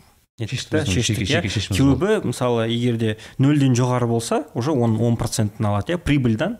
Ә, таза табыстан он процентін кейбіреулер таза табыстан жиырма процентін алады. Біз шештік окей біз 25 аламыз бірақ жеті проценттен жоғары болған кезде мысалы былтыр ә, біз жетіде жеті көрсеттік ә, біз ештеңе алған жоқпыз. М. вау. Қиын болмады ма? Қиын болды. Да. Бірақ ә, құдайға шүкір айттым ғой консалтинг компания ну шүкір жақсы ақша келеді поэтому. А қазір қанша болды? бірақ ол жылдың соңында белгілі болған жылдың соңында иә жылдың соңында белгілі. Окей. А егер ашық информация қанша примерно сіздер ә, бір сіздің мысалы сіздің компанияңызға алатын болсақ қанша оборот ну үлкен фондтың несі фондта ол ашық информация раз- иә. размері қандай? Біз ә, сайтқа ай сайын салып тұрамыз. Размері қазір 4 миллион. Доллар. Төрт миллион доллар жалпы қаржы бар сізде бір иә фондтың бізде емес ол фондта иә, фонд түсіндім. фондтағы ақшаның адамдар сол жаңағы елу мыңнан жүз мыңнан сол салған төрт миллион доллар. И ну то есть аса көп емес халал ә, ретінде инвестиция жасағысы келетін адам негізі көп емес. тек аз. Бірақ өзіңіздің былай неңіз бойынша ә, ол ә, бағана клиенттеріңізді айтатын болсақ мысалы ол кісілер көбінесе қандай мамандықтың адамдар немесе ол белгілі бір анализ жасап көрдіңіз мысалы қандай адамдар көбінесе береді немесе әртүрлі. Әртүрлі? Өте әртүрлі. То есть ә, жаңағы обычный национа- ну, нацкомпанияда менеджерлар да бар бизнесмендер де бар ә, шетелде жұмыс істейтіндер шетелдіктер де бар. болғандықтан көбінесе сол Иә, бізде даже ә, шетелден инвестиция салғандар бар. Окей. канадалық азамат. Иә. Менің ойымша ә, жалпы жеке финанс тақырыбын қамтыған секілдіміз. Негізгі бір тақырыптарын ә, плюс минус жеке қаржы туралы ну жеке қаржы негізі ә, Үлкен ба? қа- қамтылған жоқ вообще. Қайта жоқ Иә. а не базовый түсініктерді айтып иә тұрмын базовый түсініктер. Ал негізі өте қысқа бір айтып кетсең бес минутта көрейік. За- зачем бес минутта бір айтып көрейін? Иә. Ә, основной бір қағидалар бар. Иә. иә жеке қаржыны басқаруда ең алғашқысында не істеу керек жаңағы қаржылық мақсаттар қою керек. Жаңағы өзінің пенсияға жинаймын үй алу баламды оқытамын сол ол жаңа қаржылық мақсаттарды қойғанда олар ә, жаңа смарт методымен жаңағы ол ә, нақты ә, жаңағы өлшенген иә жаңағы есептелген қанша керек. Мысалы ә, егер де ә, баламды жаңағы шетелде оқытамын десем маған мысалы отыз мың евро керек. Иә сол мысалы балам қашан барады? Ол он жылдан кейін. Иә мен менікі сегіз жылдан кейін. Иә сегіз жылдан кейін шетелге оқуға маған сол сегіз жылдан кейін отыз мың евро керек. Мысалы ай сайын маған мысалы жүз евродан ол жерге салып тұру керек. Деген иә. Сол ә, нету керек та есептеу керек. Қандай и қандай инструменттер нетеді? Ә, қандай инструменттер қолданады? Мен мысалы тек қана брокерский счет емес ә, мемлекеттің несінде қолданамын бағдарламасы мысалы отбасы банк секілді бізде ә, ақыл деген депозит ақыл бар. Олар мысалы қазір 15 пайыз депозит береді. Плюс бес пайыз мемлекет үстінен көмектеседі. Егер де жаңағы төрт балалы болсаң немесе социально уязвим болсаң жеті ә, ну то есть ә, көп балалы болсаң мысалы бір ата ана ғана болса жеті пайыз үстіне қосып береді. Ә, сен жаңа қазір есептеп көрші жиырма екі пайызбен сонда ақша сақтайсың иә давай мысалы сен айтарлық баланың оқуына мен мысалы там айына ә, сен егер де ә, мысалы менде қазір қанша ә, балам мысалы сегізде иә? Он сегізде ә, жаңа шетелге оқуға барады. Біз бәрін санмен есептейік та нақты yeah. болсын.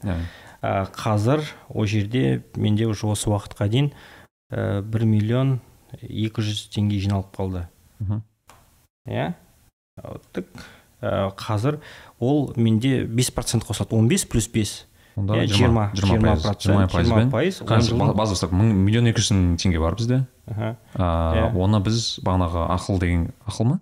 Иә иә. Ақылға саламыз жиырма пайызбен иә и мен мысалы жыл сайын әрқайсысының счетына по разному екі жүз мың теңгені салып тұрамын обычно.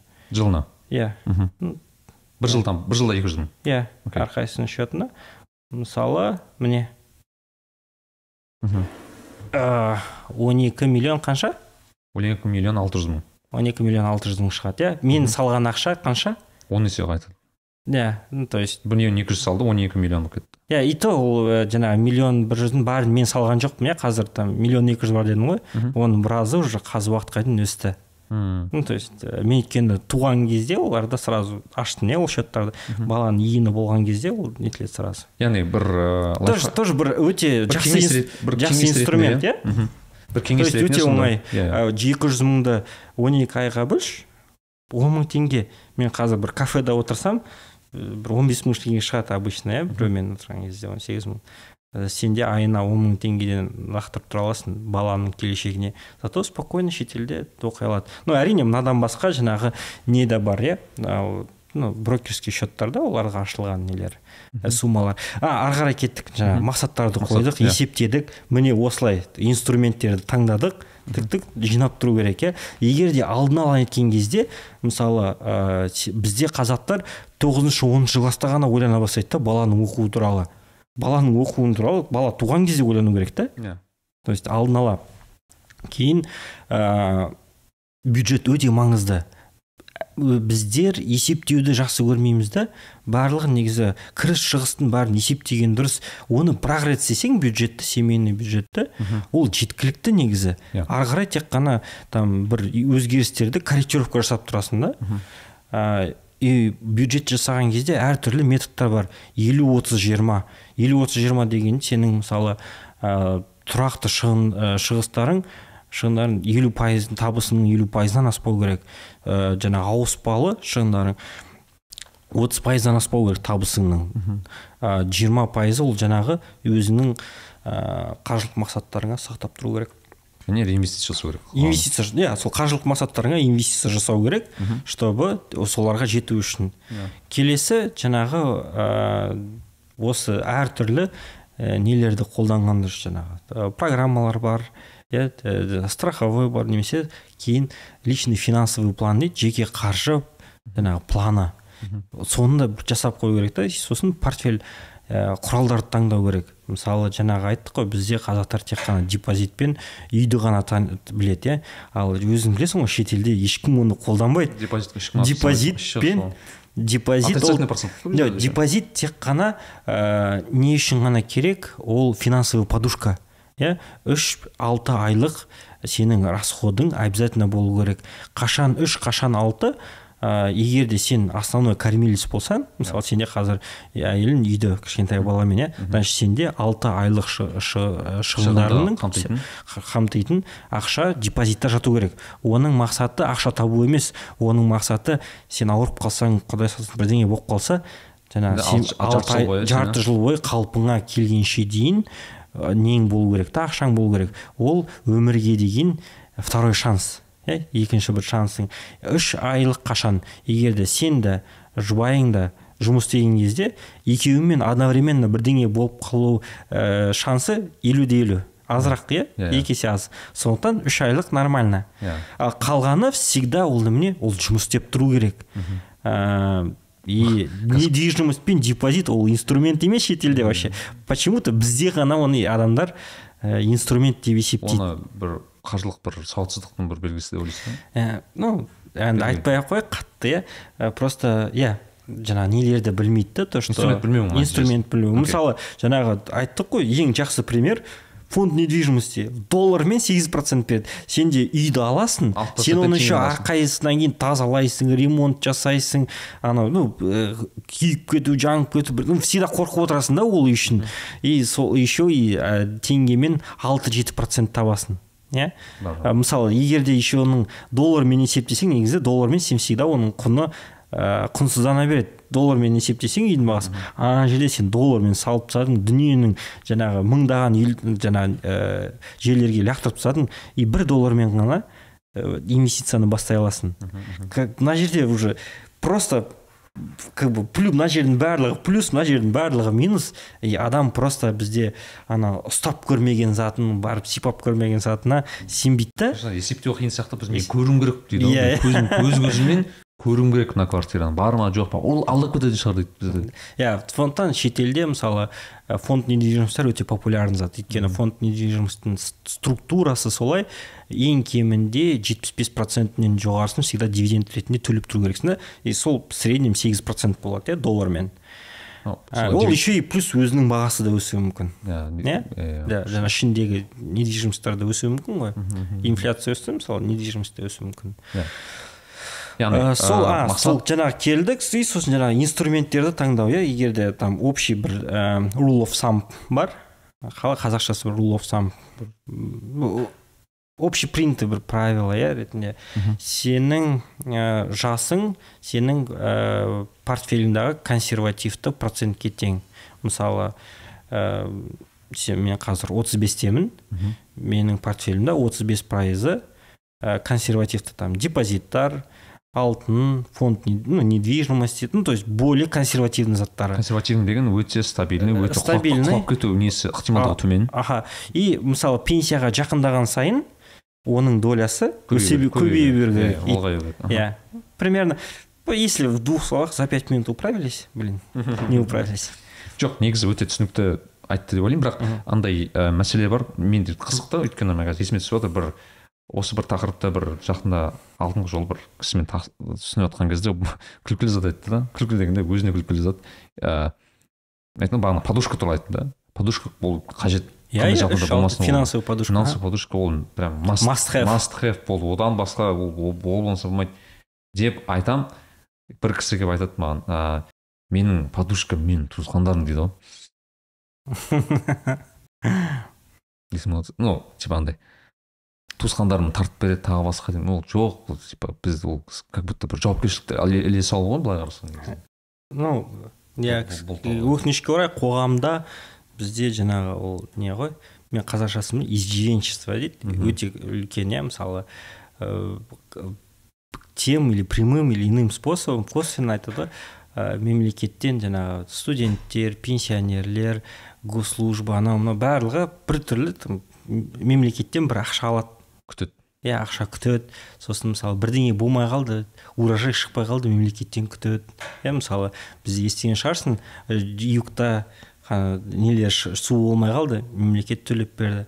Жаңағы солтүстікте ә, наоборот жауын көп болды слишком. Мемлекет төлеп жинай алмай қалды мемлекет там күтіп отыр қазір төлеп берсін деп. Бізде Ә, на всех уровнях. былай қарағанда даже тіпті мысалы үйлер шашылып қазір кетті. сен а, бір бала таптың үйің жоқ. Сен айтады төрт балам бар үй беру керексің дейді. Мен мен мынаны түсінбеймін шын айтсам иә мысалы. Бірақ ол оған мемлекеттің Өзі үйретіп тастаған өзі жаман үйретіп тастады да. То есть барлығы былай күтіп отырады бір нәрсе. Даже бизнес күтіп отырады иә. Бір қызығы да осы сіз оның алдында да айттыңыз бір мына мына ойды себебі мемлекетке осындай қатты сеніп алғанның кесірінен бізде көп мысалы ә, страхование секілді заттар қолданбай кетті да? Иә. Байқасаңыздар. Сақтандыру. Мысалы мен бір мысал келтіремін. Ә, мен тұрып жатқан қазіргі голландия мемлекетінде егер сен үй сатып алатын болсаң үйді ешқашан кэшпен ешкім сата алмайды ол жақта. Үй ол, жақта енді ол жағынан точно жақсы жасалған. Себебі ставка ставка бір бір проценттен төрт процентқа дейін барады ол жерде. Мхм. бәрі алады. Бірақ сен қашан алдың? Шын айтайын ба? Иә. Менде бір точка бір процент. мощно да? Жақсы кезде алыпсың. Не күледі маған қазір бесплатно алып жоқ қызығы үй өседі еще. Иә ну голландияда өте қызық негізі бар ғой. Вот ыыы, ол ол тұрғыда ше өйткені мемлекеттің бір бір не статистика болған ол ыыы ол ең білесің ба неге ненің арқасында? экономикалық стабильность иә инфляционный стабильность. Инфляция төмен. Инфляция төмен болған кезде тебе не надо жаңағы субсидировать что то тупо ставка банктің өзі төмен ставкамен бере алады. Иә мемлекет ол жерде ешқандай қатысы жоқ. Мемлекеттің бір ақ жұмысы бар негізі. И ол жұмысты біздің мемлекет өте нашар жасайды. Ол сдерживание инфляционная Инфляция, стабильность. Окей. Инфляционная стабильностьті қолынан келмейді. Сондықтан мысалы бір жұмысты дұрыс істемейді да сондықтан мыңдаған өтірік жұмысты өздерінің басына хотя бір ақ жұмыс бірақ бір-ақ- жұмысты істесе қалған мың жұмыс ол шықпайды даже. Тебе не надо жаңағы ә, без жаңағы бал, и, там көп балалы аналарға или аналарға үйлер тауып беруге. Өйткені үйді олар екі процентпен жаңағыдай банктың өзінен ала алады. Иә. егер де инфляцияны сен екі процентпен ұстап тұршы банк өзі егер, егер таратады. де біз инфляцияны ұстай алғанда бүкіл бағанағы проблема біреу болмас па? Еді? иә барлық мысалы бүкіл бизнес біздің мен консультантпын ғой финансовый. Бүкіл бизнес анау сегіз проценттік бізде субсидированный нелер бар анау брк ның беретін фонд развития промышленности даму деген толып жатқан жаңағы мыңдаған бір финансовый институттар ашып тастады. Иә. Оның ішінде он мыңдаған бір адамдар отыр. Иә? Негізі оның бәрі керек емес оның барлығы негізі коммерческий банк жасау керек та. Олар барлығы ойлап отыр өздерінше үлкен бір мемлекетке қызмет етіп отырмыз деп ойлап отыр. Негізі олардың барлығын лишний зат иә? Тек қана инфляцияны ұстай алмағаннан кейін сен бәйтеректі аштың фрп ны аштың анау жаңағы дамуды аштың ананы аштың. Неше бизнесқа көмектесудің мыңдаған бір способын аштың. Ал сенің жұмысың тек қана бір ақ жұмыс болды. Ол инфляцияны екі процентте ұстап тұршы бизнес ә, нені ә, банк өзі ақ бизнеске уже жүгіреді да жаңағы бизнесқа нені. Иә. Да ну банк өзі істейтін еді да Иә. сондықтан бір жұмысты дұрыс атқара алмағаннан кейін мемлекетте мыңдаған проблема. Қызық айтайын ба бұл ол доход басында бар ғой мен вообще күлкілі жағдайға дейін голландияда себебі кейбір адамдар нөл сегіз пайызбен де алған вот что значит инфляционная стабильность? Көрдің бе? енді түсіндің ғой инфляцияның қандай маң, қаншалықты маңызды екенін иә а біз өкінішке орай мына инфляционный спиральға түсіп кеттік та. То есть көбі мысалы жыл сайын ғой анау как будто бір посланиеда ана жақсы жаңалық деп еще ана неге врачтарға мұғалімдерге отыз процентке көбейттік деп иә? Жылағың келеді ғой кәдімгідей иә? Ол өйткені неліктен Инфляция инфляция жоғары болды ол оны көтерді. Ол оны көтерген үшін келесі жылы инфляция қайтадан жоғары болады. Ол инфляционный цикл бітпейтін.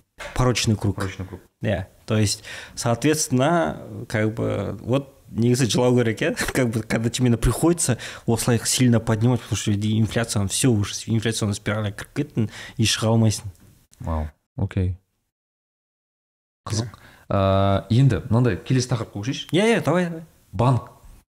Банктар сұрағым келетін әрқашан. Мхм. Банк дегенде бізде әрқашан мынандай әлі күнге дейін сұрайды мынаны, мына банк қандай болайын? деп бізде банк туралы не? Чисто андай өзек бойынша білетін еді ғой. Мына банк бүйтіп каспийде кезінде бір нәрсе болатын ақшаны шығару керек жусан ана назарбаев деген оны шығару керек ыыы білмеймін ана астана банк андай болды оны шығару керек ну білмейсің де астана банк деген бар еді еще банктар жағдай қандай жалпы қазақстанда? Жақсы стабильный. Мысалы бір банктің құлап құламайтыны бір екі жыл бұрын белгілі болады мен мысалы ә, білмеймін менде бір не, не бар ғой телеграм канал ай сайын финментор кз аха ай сайын жаңағы не с хэштегпен қарасаң не жазып тұрасыз банктың стабильностін иә? То есть банктардың результатын көрсетіп тұрамын да қалай. И ә, первый очередь қарайтын зат ол жаңағы ә, ликвидный активы. То есть қаншалықты ол мысалы ә, клиенттердің барлығы бір уақытта келген кезде ол қаншалықты оған төлей алады дегенді иә. Негізгі требование 10 процент иә. То есть резервирование 10 процент всегда ақшалай тұру керек. Бірақ бізде көп банктер 30 проценттен жоғары ұстайды. Ну ол бір жағынан ә, жаман то что экономиканы кредитовать етпейді иә. То есть екінші жағынан там өте стабильный ә, банктердің жағдайы бізде қазір өте жақсы. Ну, бір екі банктен басқа. Ол бірақ ол банктер өте кішкентай. А так біз өзімізге всегда ана рекомендуемые банки финментором деген не бар? Бес банкті атап өтеміз. Қазіргі жағдайда жақсы бұрын төртеу болатын қазір бесіншісін қостық атап өте аламыз ба мысалы қазір иә каспи? Біріншісі халық. Халық. Ә, каспи бцк форте и жақында жусан қайтадан қосылды. Политический несі шешілгеннен кейін риска. Оған қараймыз. Иә яғни бүкіл не тек қана экономикалық ана иә ну в основном экономикалық заттарға қарайсың бірақ ол жерде енді кәдімгідей судебный процесс жүріп жатты ғой. Сондықтан ол риск уже неде а так. Ә, жаңағы халықта да ол риск бар. Алпыс төрт пайызы там кулибаевта иә там фортада да бар. Бұрын ғана утимаратовтікі иә там сексен бес проценті. То есть негізі әрқайсысында бір риск бар да. Как бы бірақ не знаю ол бұрынғыдай мысалы мынандай сұрақ та бұрынғыдай мысалы астана банк сияқты мысалы бір президенттің бір ол жерде ол жерде бірақ шынымен ол, ол банкте проблема болды. проблема болды. Оның істегені де дұрыс емес болды. Иә бір сөзбен бәрін қирата салған. Өйткені андай нәрсе бэнкран деген. Бэнкран то есть сен андай адам иә өйткені сенде абсолютная власть иә и сен бір сөз айттың и бэнкран басталды. Никто бы не выдержал.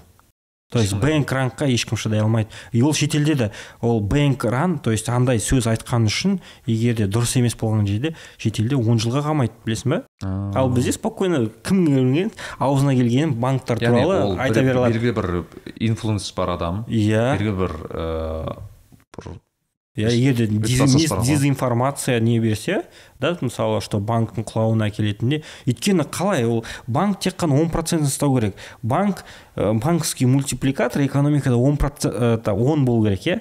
Он деген сөз ол бір ақшаны он рет айналдыру керек. Иә. Анаған кредитқа береді ол кредитін төлеп тұрады ол басқасына беріп тұрады. То есть ол экономиканың иә экономиканың несі. Ол оған жиырма жылға берді. Ал сен ақшаң келдің да салдың ертесі күні алып шығасың. И ол соответственно ол тек қана он процентін ұстап тұру керек. Ал когда сен бүкіл салғандары бір моментте келіп алып шықса сенде бәрі кредит жатыр ғой. пайыз ақшаң жоқ ана жерде иә жоқ қой ол қалай? То есть соответственно ешқандай банк негізі шыдай алмайды ондайға бэнкранға слив ликвидности дей ма? Қалай дейді бір сөз бар ғой. Ну то есть да ликвидный активтардың просто кетіп қалады бір күні. Өзінде көремін бір күннің ішінде анау signature bank там silicon valley bank барлығы. То что не басталды паника бэнкран бір күннің ішінде жоқ болып кетті ғой банктер американың өзінде потому что бэнкран болды иә? Там реально бэнкран вот енді қазір өйткені технология настолько дамып кетті ә, қазір не арқылы спокойно шығарып алады ғой. Ну перевод, сен перевод арқылы банктен алып шыға аласың да соответственно там бір күнде 30 миллиард жоқ болып кетті да банктен алар и все банк құлап қалды. Потому что нету таких денег да, да. им пришлось жаңағы в убыток бүкіл нелерін ал сен когда бүкіл активтарыңды начинаешь продавать ол сенде қарасаң ты ему не можешь так быстро продать. А когда начинаешь быстро продавать тебе надо там да. И соответственно сенде уже образуется разница огромная. Сен төмен бағамен мысалы сен мог екі үш жыл күтуге и жүз процентін алуға ал сен қазір саттың елу процентке. Елу процент сенде убыток. Сен когда ол значит уже клиенттің ақшасын қайтарып бере алмайсың иә деген сөз иә. Окей окей окей. Халал халал инвестментқа келесіз сіз халал инвестмент инвестицияның бір мамансыз ғой енді бұл тұрғыда қазір мен білетін. Мхм. Қандай инструменттер қолданса болады? Жалпы осы ең көп сұрақ қой өйткені көп бағана басында айтып өттік. Депозиттерге ақша бағана енді өзіміз дініміз құптамайды. А қандай инструмент қолданған дұрыс? Ең ыыы өзіңіздің бір ойыңызша. Қазіргі таңда жаңағы біздің ә, жаңағы астана халықаралық қаржы орталығының биржасының ә, істеп істеген приложениесі бар. Ә, Табыс. табыс деген иә. Өте сенімді. Оның артында мемлекет. өйткені? Ә, сенім артында мемлекет тұр. Мгм. мысалы сен нацбанкқа сенесің ғой то есть артында мемлекет тұрған затқа. И ә, ну ол жерде ондай ақша көп жоқ. То есть мемлекет кезінде қанша екі миллион доллар нетті құйды. Екі миллион долларға жаңағы он он бес па он бес шақты разный құнды қағаз сатып алды. Ол револьверный методта мысалы сатып алды тық тық бөлшектеді и қойып қойды. Адам келеді сатып алады. Сатып алған кезде каспиға э, ол э, сразу напрямую тіркелген. Номер телефонмен каспимен тіркелесің да. То есть ешқандай комиссиясыз несіз сен бірден сатып алдың сол бірден каспидан соған көше салып доллармен сатсаң- сатсаң доллармен нетеді конвертация конвертация доллармен ол жерде тұрады иә олар. Ә, сатсаң дәл сол күні доллармен тік ол ә, ол жерде сатып алатын да сататын да тек қана бір адам. То есть обычно биржада екі жақ болады ғой. Иә иә. Сатушылар алушылар. Ол жерде сатып алушы да сатушы да бір не ә, биржа мфц. Иә. И оның основной мақсаты ақша табу емес жаңағы қаржылық сауаттылықты көтеру елде. Адамдар мысалы пирамида мәселе ә, бізде айттық ғой ең көп адам ақшасын жаңағы қор нарығына салғаннан жоғалтпайды. Қор нарығына ә, бара жатқанда жоғалтады. Мысалы?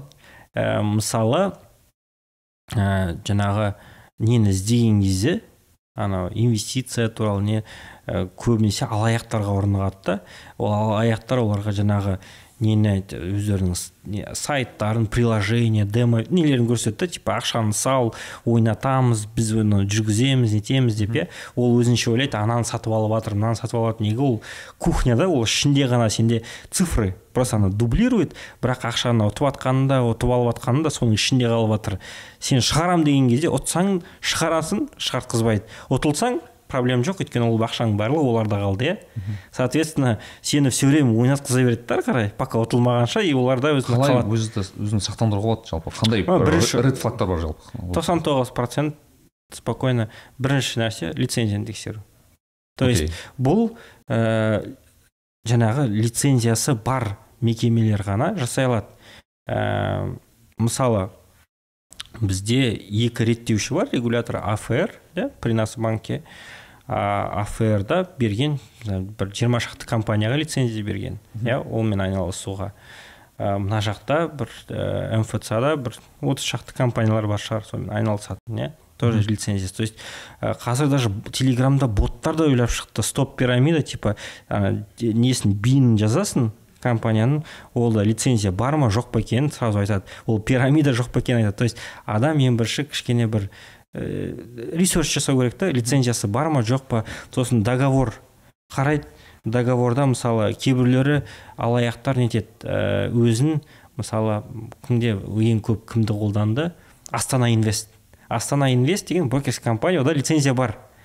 Бірақ өте көп алаяқ оны біз астана инвестпіз дейді. Да ана бірақ ә, несін өзгертіп жібермек счетын өздерінің счетын өзгереді. Иә бин счетын база өздікін қояды. Атын ананікін қоя салады да договорға нелерге алдап сосын бірақ ақша жіберетін кезде реквизит жібереді ғой саған.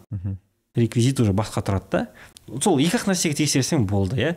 То есть яғни бірінші лицензия лицензияны біз ана бин арқылы тексере аламыз иә. Ә, сайттан боттардан. регулятордың сайтынан. Регулятордың сайтынан. Боттан бар жерде бар иә. То есть сен мысалы андай ғой банкқа біз не үшін ақша саламыз?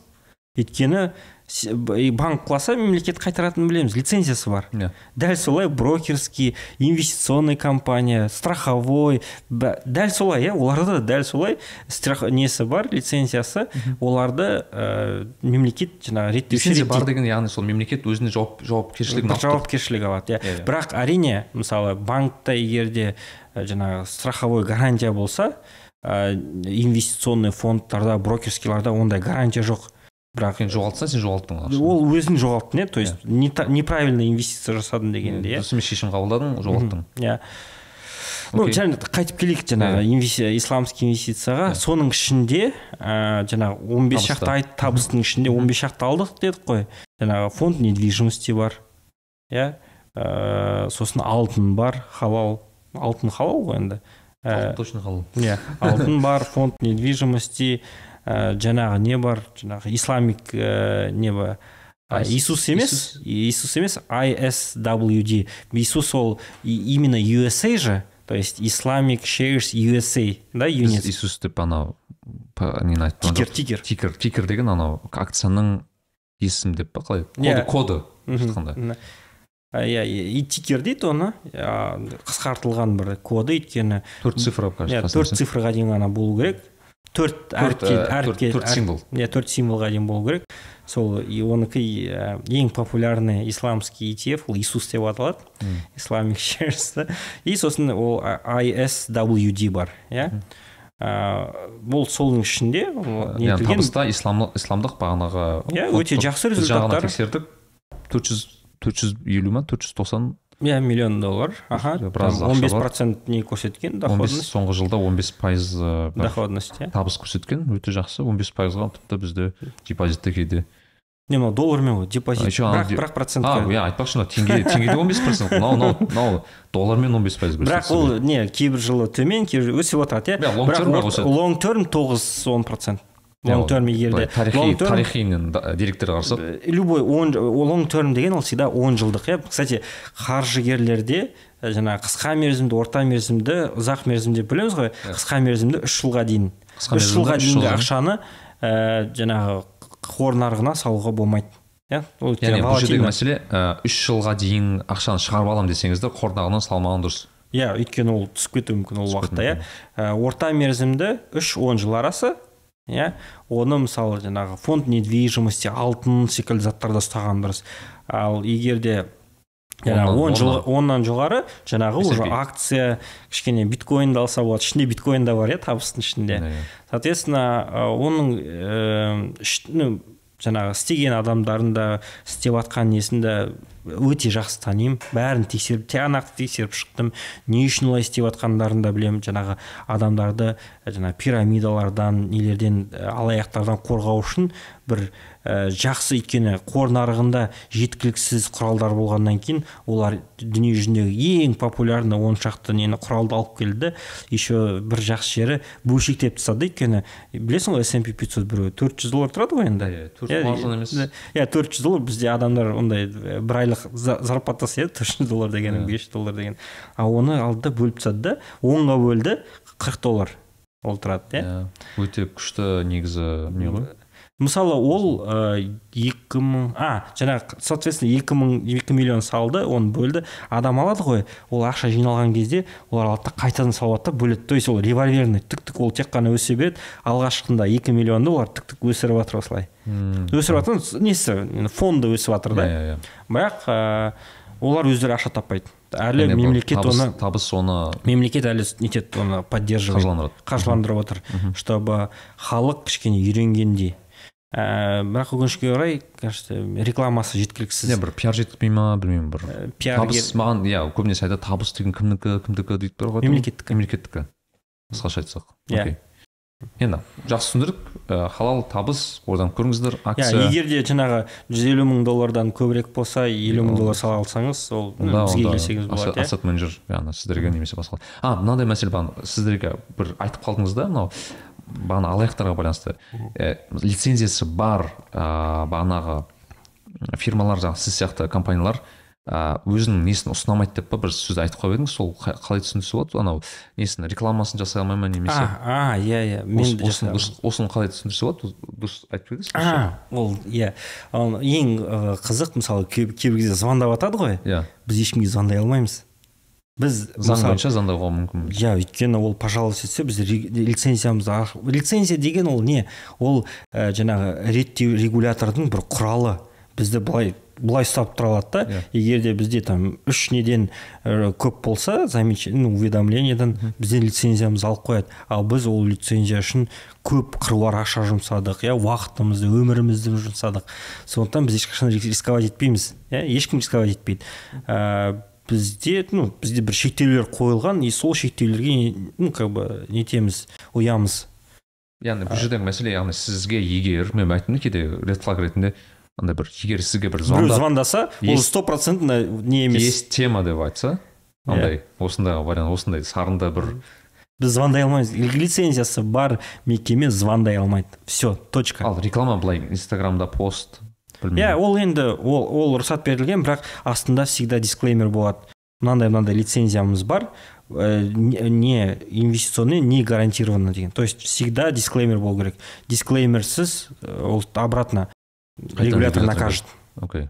То есть егер де жусан инвесттікі халық инвесттікін көрдіңіз иә кө- көрген жеріңізде астында қарасаңыздар всегда не лицензиясы номер тұрады дисклеймерлер тұрады. То есть иә. и ол ешқашан не может гарантировать. Какой то бір там жиырма процент он бес процент жасап жоқ. Ешқа қарасаңдар ешқашан ол тек қана фактический результатты айта алады. Мен өткен жылы осындай результат көрсеттім дейді. Будущийға ешқашан ә, кепілдік бере алмайды. болашақтағы нені иә бізде ә, реклама беруден де нереально қатты шектелгенбіз. И ондай реклама бергеннен бермеген артық та кейбір кезде өйткені сен шектел қатты шектелгенсің ғой. Ол айтады е мынауның не түк несі де жоқ не как бы зачем вы бересің иә и тем более бізде мысалы жүз елу мың доллар бар бос ә, активтары бар адам өте аз. То есть смысл маған реклама беруге иә? Ол біз ә, біз өзіміздің клиентімізді өзіміз білеміз иә окей окей ыыы жалпы орта былай біртіндеп ыыы кішкене бір басқа тақырыпқа ауысқым келіп отыр мен. Ыыы ол макроэкономикаға кішкене тоқталғым келіп отыр. Мхм. Ыыы себебі ә, біз көп подкасттарда мен қарамадым бір макроэкономика туралы өте аз қозғалады және де айта кетер зат ыыы арекеде жақында подкаст бар. Ыыы ютуб арнасында фин ментор деп аталатын ба? Иә иә біз ә, не неттік бізде ә, финментор деген YouTube каналымызда шығады және неде де фома дома деген бар. Фома дома деген неде екеуміз коллаборация жасадық та өйткені ода ана спотифайда неде несі бар да? Подкастқа шығаратын үлкен аудиториясы. Мен жаңадан ашпай ақ қояйын. Өйткені темасы бір да. Сол жерден жалғастырып кеттім. А ютубта енді бізде каналымыз болғаннан кейін Яғни финментордан сіздің, сіздің ол жердегі мақсатыңыз сіз өте ірі макроэкономистермен және жалпы экономистермен финансистермен бізде макроэкономист ә, азын аулақ елде иә жоқ жалпы осы мамандықты иегерлері тағыз ә, кәсіп мамандары профессионалдар солармен сұхбат жүргізесіз. Жаңа көптеген аласыз әрине менің ойымша ондай контенттің ә, қаралым аз болады секілді. Менің ойымша себебі ол өте оңай емес тақырыптар және де аз ә, адам былай бірденен көтере алады деп ойлаймын. Сондықтан осы подкастты ең болмаса сол туралы кішкене бір айтып өткім келген. Мхм Иә. Тақырыптар бойынша мысалы макроэкономика жалпы не не туралы макроэкономика мен түсінсем ол жалпы біздің тек қана бір, пер- бір бөлшектегі бір детальдағы бір кейбір заттар емес ол жалпы еліміздегі және жалпы біздің әлемдегі бір ә, біздің жағдайымыз ғой енді көбінесе. Иә макроэкономика ә, негізі екі көбінесе бір элементтен тұрады. Ол жаңағы ә, инфляция иә, и жаңағы безработица. Екеуі бір біріне қатты Байланысты. иә енді бізде мемлекетте удивительно бір нәрсе безработица почти жоқ. Бізде біздің безработицамыз даже америкадан да төмен білесің ба? Қанша пайыз бізде? Бізде төрт төрт па? Төрттің шамасынан ашқан жоқ ешқашан. Мхм. өйткені неге? Оқу орнында жоқ жоқ. Статистикамен ойнайды Мм. То есть ә, жаңағы ә, егер де сен келіп анау соңға бір нәрсе мен жұмыссызбын деп не тапсырмасаң сен сан- сана алмайсың. Мм. жұмысың сенде жұмыс жоқ бірақ сен келіп мемлекетке өтініш бермеген жағдайда сен сана статистикаға алмайсың кірмейсің иә статистикаға кірмейсің. А ана жақта өте не ғой ну сразу. Көбінесе ол самозанятый деп жүреді самозанятость, да, то есть у нас, не знаю, не какой-то процент, лю- үлкен процент ол самозанятый просто. Самозанятый деген бір анықтамасы түсініксіз маған ше айтсам кімді самозанятый Иә. деп кететін Ну, ә, ай- макроэкономикалар жаңағы негізі оны жаңағы бастаған бір себебім нелерде болсын жаңағы м- министрлардан болсын жаңағы экономисттардан болсын естіп жатқан заттардың көбі э, өкінішке орай дұрыс емес заттарды естіп естідім да. Ал басқа жақтан өте мықты ә, аналитический отчеттар жазып жатқан адамдар да бар. Бізде макроэкономист екі үшеу ғана иә. Соның екеуін мысалы жаңағы мұрат темірханов ә, бауыржан төлеповты шақырдым. Иә ол үшіншісі кім? ә, жаңағы үш адам дедіңіз иә сол айтпай ақ қояйын. Бұл өте аз. Иә. пока шақырғаннан кейін көрді Ә, өте макроэкономист аз. Ал мемлекетте кажется даже жоқ секілді неде министр жал- жалпы қазір түсініксіз болып отырған болуы мүмкін адамдарға мысалы экономист па жалпы макроэкономист? Макро- мак- макроэкономисттің э, басты жұмысы не? Ол жалпы жаңағы нені қарайды да то есть бір нәрсені тек қана бір кішкентай бір затты ғана қарамайды. В общем жаңағы инфляцияға әсер ететін заттардың бәрін жаңағы ә, қарайды жаңағы ә, ставка ключевой ставканы ә, безработицаны экономический политиканы госрасход барлығын ну то есть макро деген аты бар ғой енді барлығын жинақтап то есть ә, үстінен бар қарайды да. Экономи, экономист өзіне бір ә, түр түрі бар өзінің бір жеке бір алған ә, саласында ғана иә. Саласында ғана жұмыс істейді. Мен мысалы кезінде мен ауыл шаруашылық экономикасын оқыдым. Менің бір бір салам бар. Иә. Иә? Ә, ну университетте оқыған кезде мамандығым сол еді. Ал мына жердегі адамдар ол кәдімгідей макроэкономиканы өмір бойы жұмыс істеген ә, өте жақсы нелері бар білімдері отчеттары. И ана отчеттарды оқып оқып т- шынымен тамсандым. Өте жақсы жазылған бүкіл мемлекеттегі экономикадағы проблемалардың барлығын жақсы көрсеткен ә, проблема инфляции ә, проблема жаңағы госрасходтардың үлкен болуы мемлекеттің ә, как? Государство в экономике дейді экономикадағы мемлекеттің үлесі өте үлкен екен иә? Бәйтерек арқылы самұрық арқылы то есть өте үлкен не- влияниясы иә ол өте жаман нәрсе. басты заказчик государство дейді ғой бізде Иә. сондай сөз бар ғой. Почти там б- да, косвенный жетпіс процент ол мемлекет. Иә ол өте ә, неустойчивый модель. То есть осылар осылар туралы ә, ол макроэкономисттардың былай зерттейтін заты и жақсы жақсы отчеттарды көрдім. И сол отчеттар өкінішке орай қараймын өте аз адам жаңа оқитыны өте аз и сми оны ә, нелері болмағаннан кейін мықты экономисттары Иә. дұрыс жеткізе алмайды. Иә, иә. ана жазбайды ол қызық емес қой енді адамдарға. Адамдарға жаңағы өсек анау соғыс бір нәрселерді оқыған жақсы да бір же- бір жерлерде болып жатқан анау жемқор анау нәрсе дегенде Иә. шын проблемаларды ешкім аса оқығысы келмейді. Ана соларды шақыра бастадым. Ә, егер де қаласаңыздар сол нелерден көре аласыздар сенің нең ә, жаңағы нелер туралы айтты.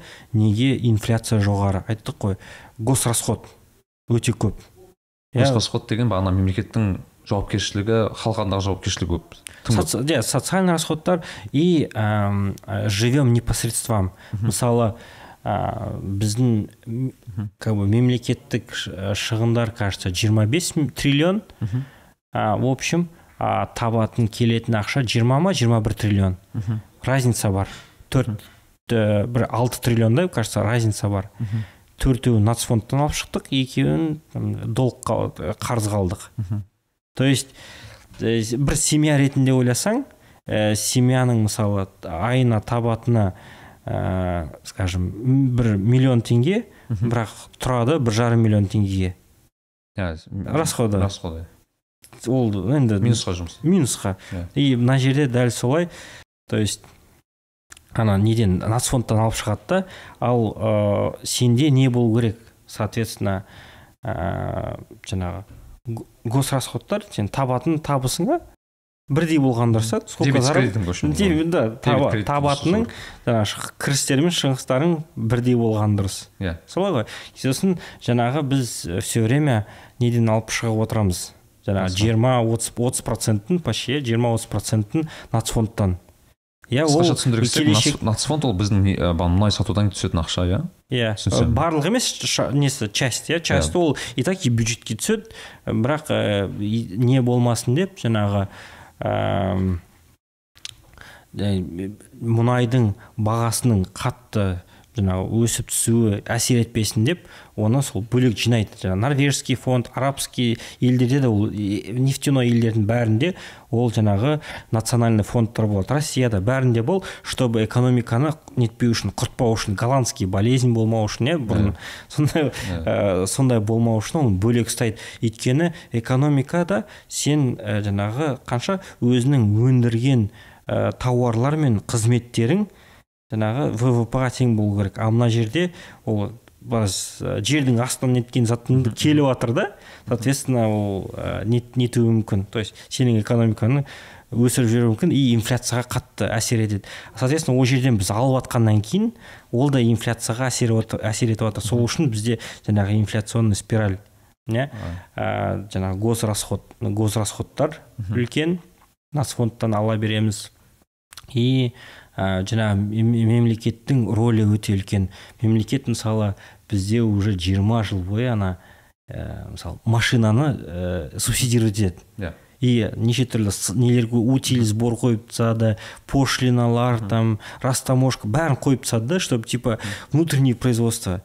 20 жыл өтті. Анау жаңағы недегі сарыарқа болсын жаңағы астана моторс болсын қайсы анау жаңағы вко дағы не болсын у крупный сборкадан узловой ары қарай ешкім бір, бір бір нәрсе өндірген жоқ. Өйткені ол не үлкен үлкен қателік қандай болды?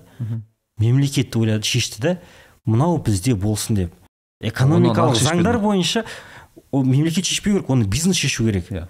Иә. Сондықтан мысалы ол жерде жүздеген миллиард доллар уже құртылды иә. Бостан босқа кеткен ақша. И халыққа бір оның тиіп жатқан зардабы да көп негізі иә.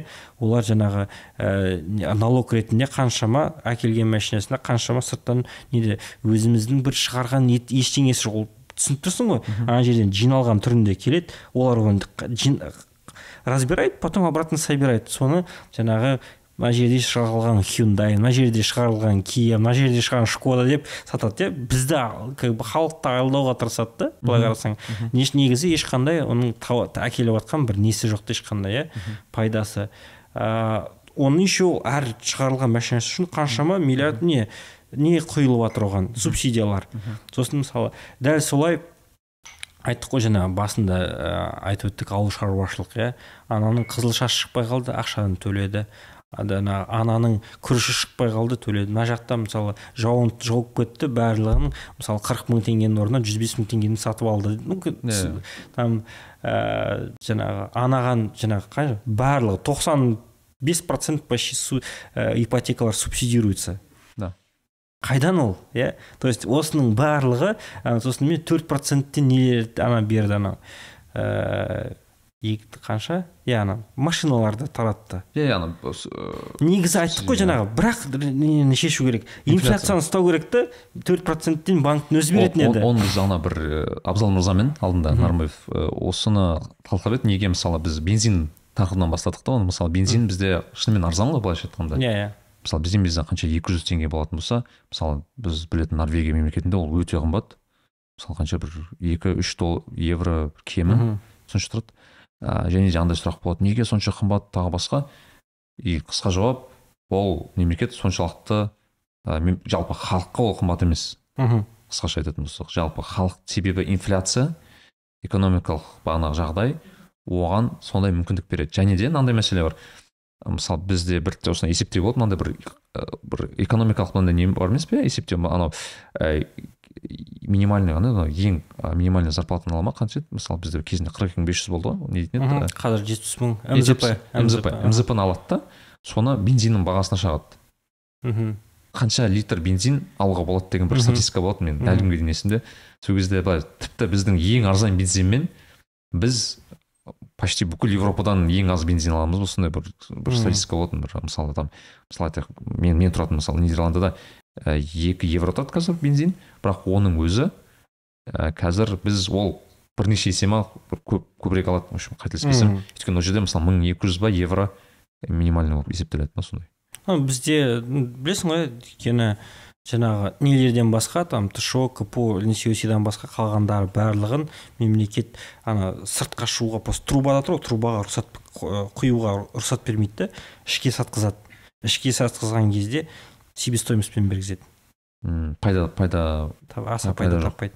Сондықтан ол ә, а оны негізге шетелге сатып Пайдасын мемлекет көріп. бір мемлекет налогын алып нормальный экспортный таможенный пошлина нелердің бәрін алып нормально нетуге болатын еді бірақ Себебі не? ә, Себебі- осылай ұстап тұрады иә ұстап тұру механизмі ма ол? иә сосын жаңағы казтрансойлдың тарифін ұстап тұрады ана толлинг дейді нпз дағы соны ұстап тұрады чтобы короче все на ручном управлении иә то есть э, айта берсең проблема көп қой нереальный экономикада сондықтан ә, оның жаңағы шешімі не деп ойлайсыз основном негізгі осы осы проблема. инфляция екі процент ұстаса шеш, бәрі шешіледі а оны ұстаудың ә, негізгі шешімі ол экономикалық өсу оны тың ана айтып подкастта тыңда деп Жоқ. Қызық айтамын қысқаша айтып мысалы инфляцияның негізгі ә, азайту механизмі ол эк- экономиканың өсуі ма яғни? Ну эк- инфляцияны жаңағы ең басында жаңағы не қою да таргет. То есть мен э, екі процент қылып ұстаймын. Иә? сосын есть бюджетное правило. То есть егер де мысалы ә, мұнайдың бағасы жаңағы там, 40 доллардан ә, жоғары болып тұрған жағдайда мен нацфондтан ештеңе алмаймын. То есть ну өте простой. Ол мысалы қазір негізі нереально үлкен экономикалық кризис ә, недегі басқадағы ә, соғыс жүріп жатқан россияның экономикасы бізден әлдеқайда жақсы. Өйткені нені жастар итереді етеді инфляцияны жақсы ұстайды кезінде- ресей жақсы ұстайды ол кезінде ну соғысқа дейін жақсы ұстады қа- соғыстан соғыс үшін жоғары шығып кетті бірақ қайтадан алып, ә, алып келіп жатыр. Экономикасы өте мықты шықты. Өйткені он төртінші жылдан бастап нені инфляцияны екі процентке дейін жеткізе жеткізді почти то есть ә, біздікілер олай істей алмады. И істеу керек екенін де түсінбеді. Өйткені оны түсінетін адам ол жерде жоқ. Маман. Мамандар жоқ. Түсінетін. Ә, өйткені жаңағы KPI-лары дұрыс емес ол адамдардың. Иә? KPI-лары жаңағы ВВП-ны өсіру да. А ВВП-ны в принципе ана насфондтан ақша алып спокойно өсіре аласың да бес процентке. Иә? А негізі KPI-ді инфляция екі деп қойшы сразу нетеді да. То есть бюджетный правило ә, бұл жыл осы жылдың басында нені енгізді бюджетный правиланы апрельде уже алып тастады. Неге? Түсінді милары жетпейтін осы істеуге мүмкін емес екенін түсінді иә. Қолдары келмейді ну мүмкіншіліктері жоқ. То есть оны бір жақсы экономист шешіп бере алмаса да негізінде ол жақсы бір шешімі бар былайша айтқанда бір шеше алатын бір бір. Ну то есть ол мемлекет ретінде мысалы жаңа үкімет нацбанк президент бір не қою керек та? Мақсат. Мына жерде мақсат қоюдың несі ғой? Ана біз смарт демекші. Смарт. Иә иә. То есть мына жерде бір мақсат қоюда біз ә, инфляцияны инфляционный стабильный бір мемлекет болғымыз келеді деген бір мақсат қойса а бізде сол инфляцияны ұстай алмағаннан кейін мың шақты жыл сайын мыңдаған бір проблеманы өшіріп жатады иә. Бізде бір не хайповый э, ручной экономикада ана жерде анау мына деді бәрі сол жерге жүгіреді. Ана жерде ана пожар болды бәрі сол жерге жүгіреді. Ана жерде су басты бәрі короче е ойлайсың иә бір ручной бір ел э, істейтін жұмыстары жоқ па иә былай қарасаң негізі істейтін жұмыстар толып жатыр проблема иә а біз всегда проблемалар емес последствияларды шешеміз да? Жаңағы пожаротушение и анау д- даже сол ана ненің ә, утилизбордан жиналған ақшаны тарата бастады да қайтадан ана субсидированный машина алу үшін. Сосын түсінді оказывается надо же бізде сельхозтехника уже устарела. Лучше туда отправлять иә помогать чем біреуге машина алып беруге көмектескенше ну обратно ақымақтығын и ақымақтықтарын мойындамайды да нету последовательности. Последовательность решений и самое жауапкершілік жоқ. Ешкім жауап бермейді ештеңе үшін. Иә алынып жатқан нелер қате шешімдер и қате шешімдер үшін ешкім дұрыс жауап бермейді. На сцене все те же лица просто роли поменялись. Это иә бүгін өте керемет менің ойымша эпизод болған сияқты. Мынау біз барлық финанстық қаржылық білмеймін қандай сұрақтар қалды шешілмеген. Ол негізі өте көп Иә. олардың барлығын енді жаңа неде подкастымызда талқылауға иә тырысамыз. иә мен менен кеңес әлекең ә, финментор каналына жазылып ә, арнасына жазылып сол жердегі подкасттарды қарап жүрейік. Өйткені барлығын қамту мүмкін емес Иә. екенін бүгін де түсінген шығарсыздар мынандай ұзақ эпизодтан кейін. А, иә ареке көп рахмет. А, меніңше бір өте ауқымды қаржыға байланысты менің сұрақтарым қалмаған сияқты бұл жерде. Бірақ келесі бұл біздің ә, соңғы подкаст деп ойламаймын. Яғни бұдан кейін одан кейін де әлі тағы жазамыз деген сұрақтар әлі, әлі де көп. Оны бір жинап алайық. Мхм. Сондықтан енді біз соңында бір блиц сұрақтар қойсам иә иә әрине. А, үш сұрағымыз бар сізге. Мхм. Бірінші сұрағымыз ә, соңғы бір жылда өзіңіз жасаған бір жақсы бір инвестиция айт- айтсаңыз яғни бір қаражат жұмсап және өте көп пайда ә, табыс алған Yani қаржылық неден бастаған инструменттерден басқасын айттым. А, подписка на чат GPT платно мхм просто айына 20 20 доллар. 20 доллар.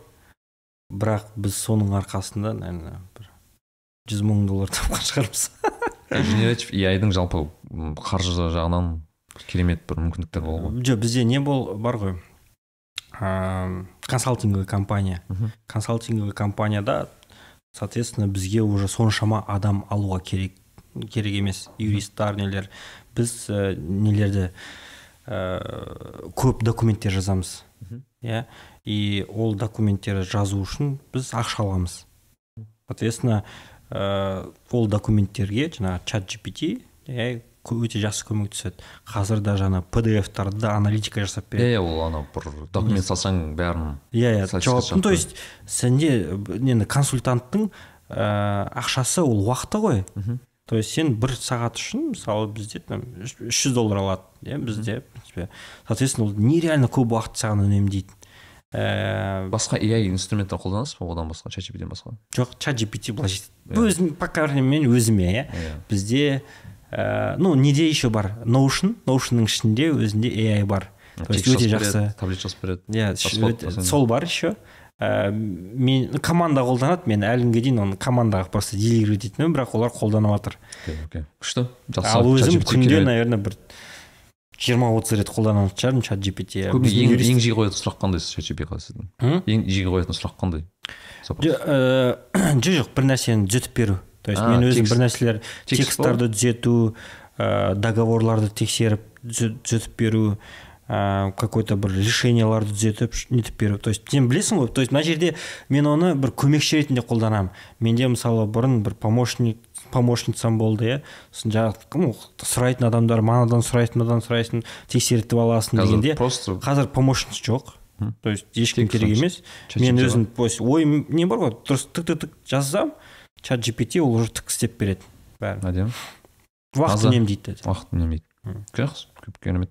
Екінші сұрақ ыыы, өзі соң өзіңіз досыңызға туысыңызға та- жақын адамыңызға ыыы, сыйлағыңыз келер бір үш кітап туралы айтатын болсақ. М. Б- мен а, жаңағы көбінесе ә, рекомендовать еткен ә, кітаптарым ол қаржылық сауаттылық жайлы жаңағы ә, кімнің кітап финансовая независимость деген бар кітап блин авторын что ұмытып тұрмын ә, Иә. ағылшындық ы, шетелдік автор ма Е, жоқ бірақ орысшасы бар Орысшасы. ор- орысшасы бар да, ә, финансовая свобода Мгм. там пес по имени мани қазір блин недегі нем ә, ұмытып қалып отырмын да Мгм. бода шефер а Иә, бода шефер бода шефердің Иә. кітабы соны обычно не путь к финансовой свободе ма сондай да, емес путь к финансовой свободе бода шефердікі а, кейін жаңағы самый богатый человек вавилона и үшіншісі монах который купил жоқ, Феррари емес. разумный инвестор. Азон инвестор иә разумный инвестор. Абрахам джон джон бенджамин грэм. Бенджамин грэм сол, есіме түсті бенджамин грэм керемет керемет үш кітап ал енді соңғы сұрақ бүгінгі эпизодтың ыыы естейік сіздің мысалы осы астана қаласында ең үлкен бір баннеріңіз бар? Баннер көше бойында. Мхм менде жоқ. Жоқ мысалы деймін да иә. елестетейік а елестетейік окей. Естіп көрейік да сізде бір баннер бар. Мгм. ыыы үлкен. Ақ парақ ештеңке жоқ сіз не қояр едіңіз ол жерге өзіңіз қандай бір месседж қандай бір ой тастар едіңіз? Өтіп бара жатқан адамға соңға оқып. А, мен жаңағы ә, финансовый подушка жайлы нететін едім бір түрлі. Иә ойландыратын едім. То есть там ә, мысалы біз ә, өмірде неше түрлі жағдайларға тап боламыз иә. Даже далада ә, жаңа бомж нелер ну, қиын жағдайларға адамдар қиыншылыққа шыдай алмай қалады да. И сондай өте төмен неге түсіп кетеді? Адам қиыншыл адамның өмірінде неше түрлі жағдай қиын жағдайлар қатты қиын жағдайларға тап болады. Бірақ бізде всегда не болу керек? Финансовый подушка. Қазір ә, мен көбіне конечно неде ұстаймын? Ну USDT биткоинда иә ну то есть нелерде ұстаймын финансовый подушкамды бөліп тастадым да кэш депозит и неде крипта. Да чтобы өйткені ол ненің кезінде ә, жаңағы январский события болсын қаңтар оқиғасында ә, жаңағы пандемияда болсын біз шыға алмай қалдық қой. Иә. То есть ол кезде уже ана банктың несімен төлей алмайсың да даже карточкасымен ештеңе істей алмайды қағазда қағаз ақшаны айтыпсыз ба әлде иә кэш бол всегда кэш та бар. То есть ол жаңағы алты айлық неңді бөліп тастайсың ғой. Біразы кэшта біразы USDT BTC неде жаңағы депозитта. Иә то есть ә, бұл ну көп жағдайда мысалы там кейбір бір неде балалардың тістері қатты ауырып қалды иә мысалы ну оған спокойно депозиттан тік нете салдың да жаба салдың. Проблема емес иә и ондай жағдай мысалы көп болады.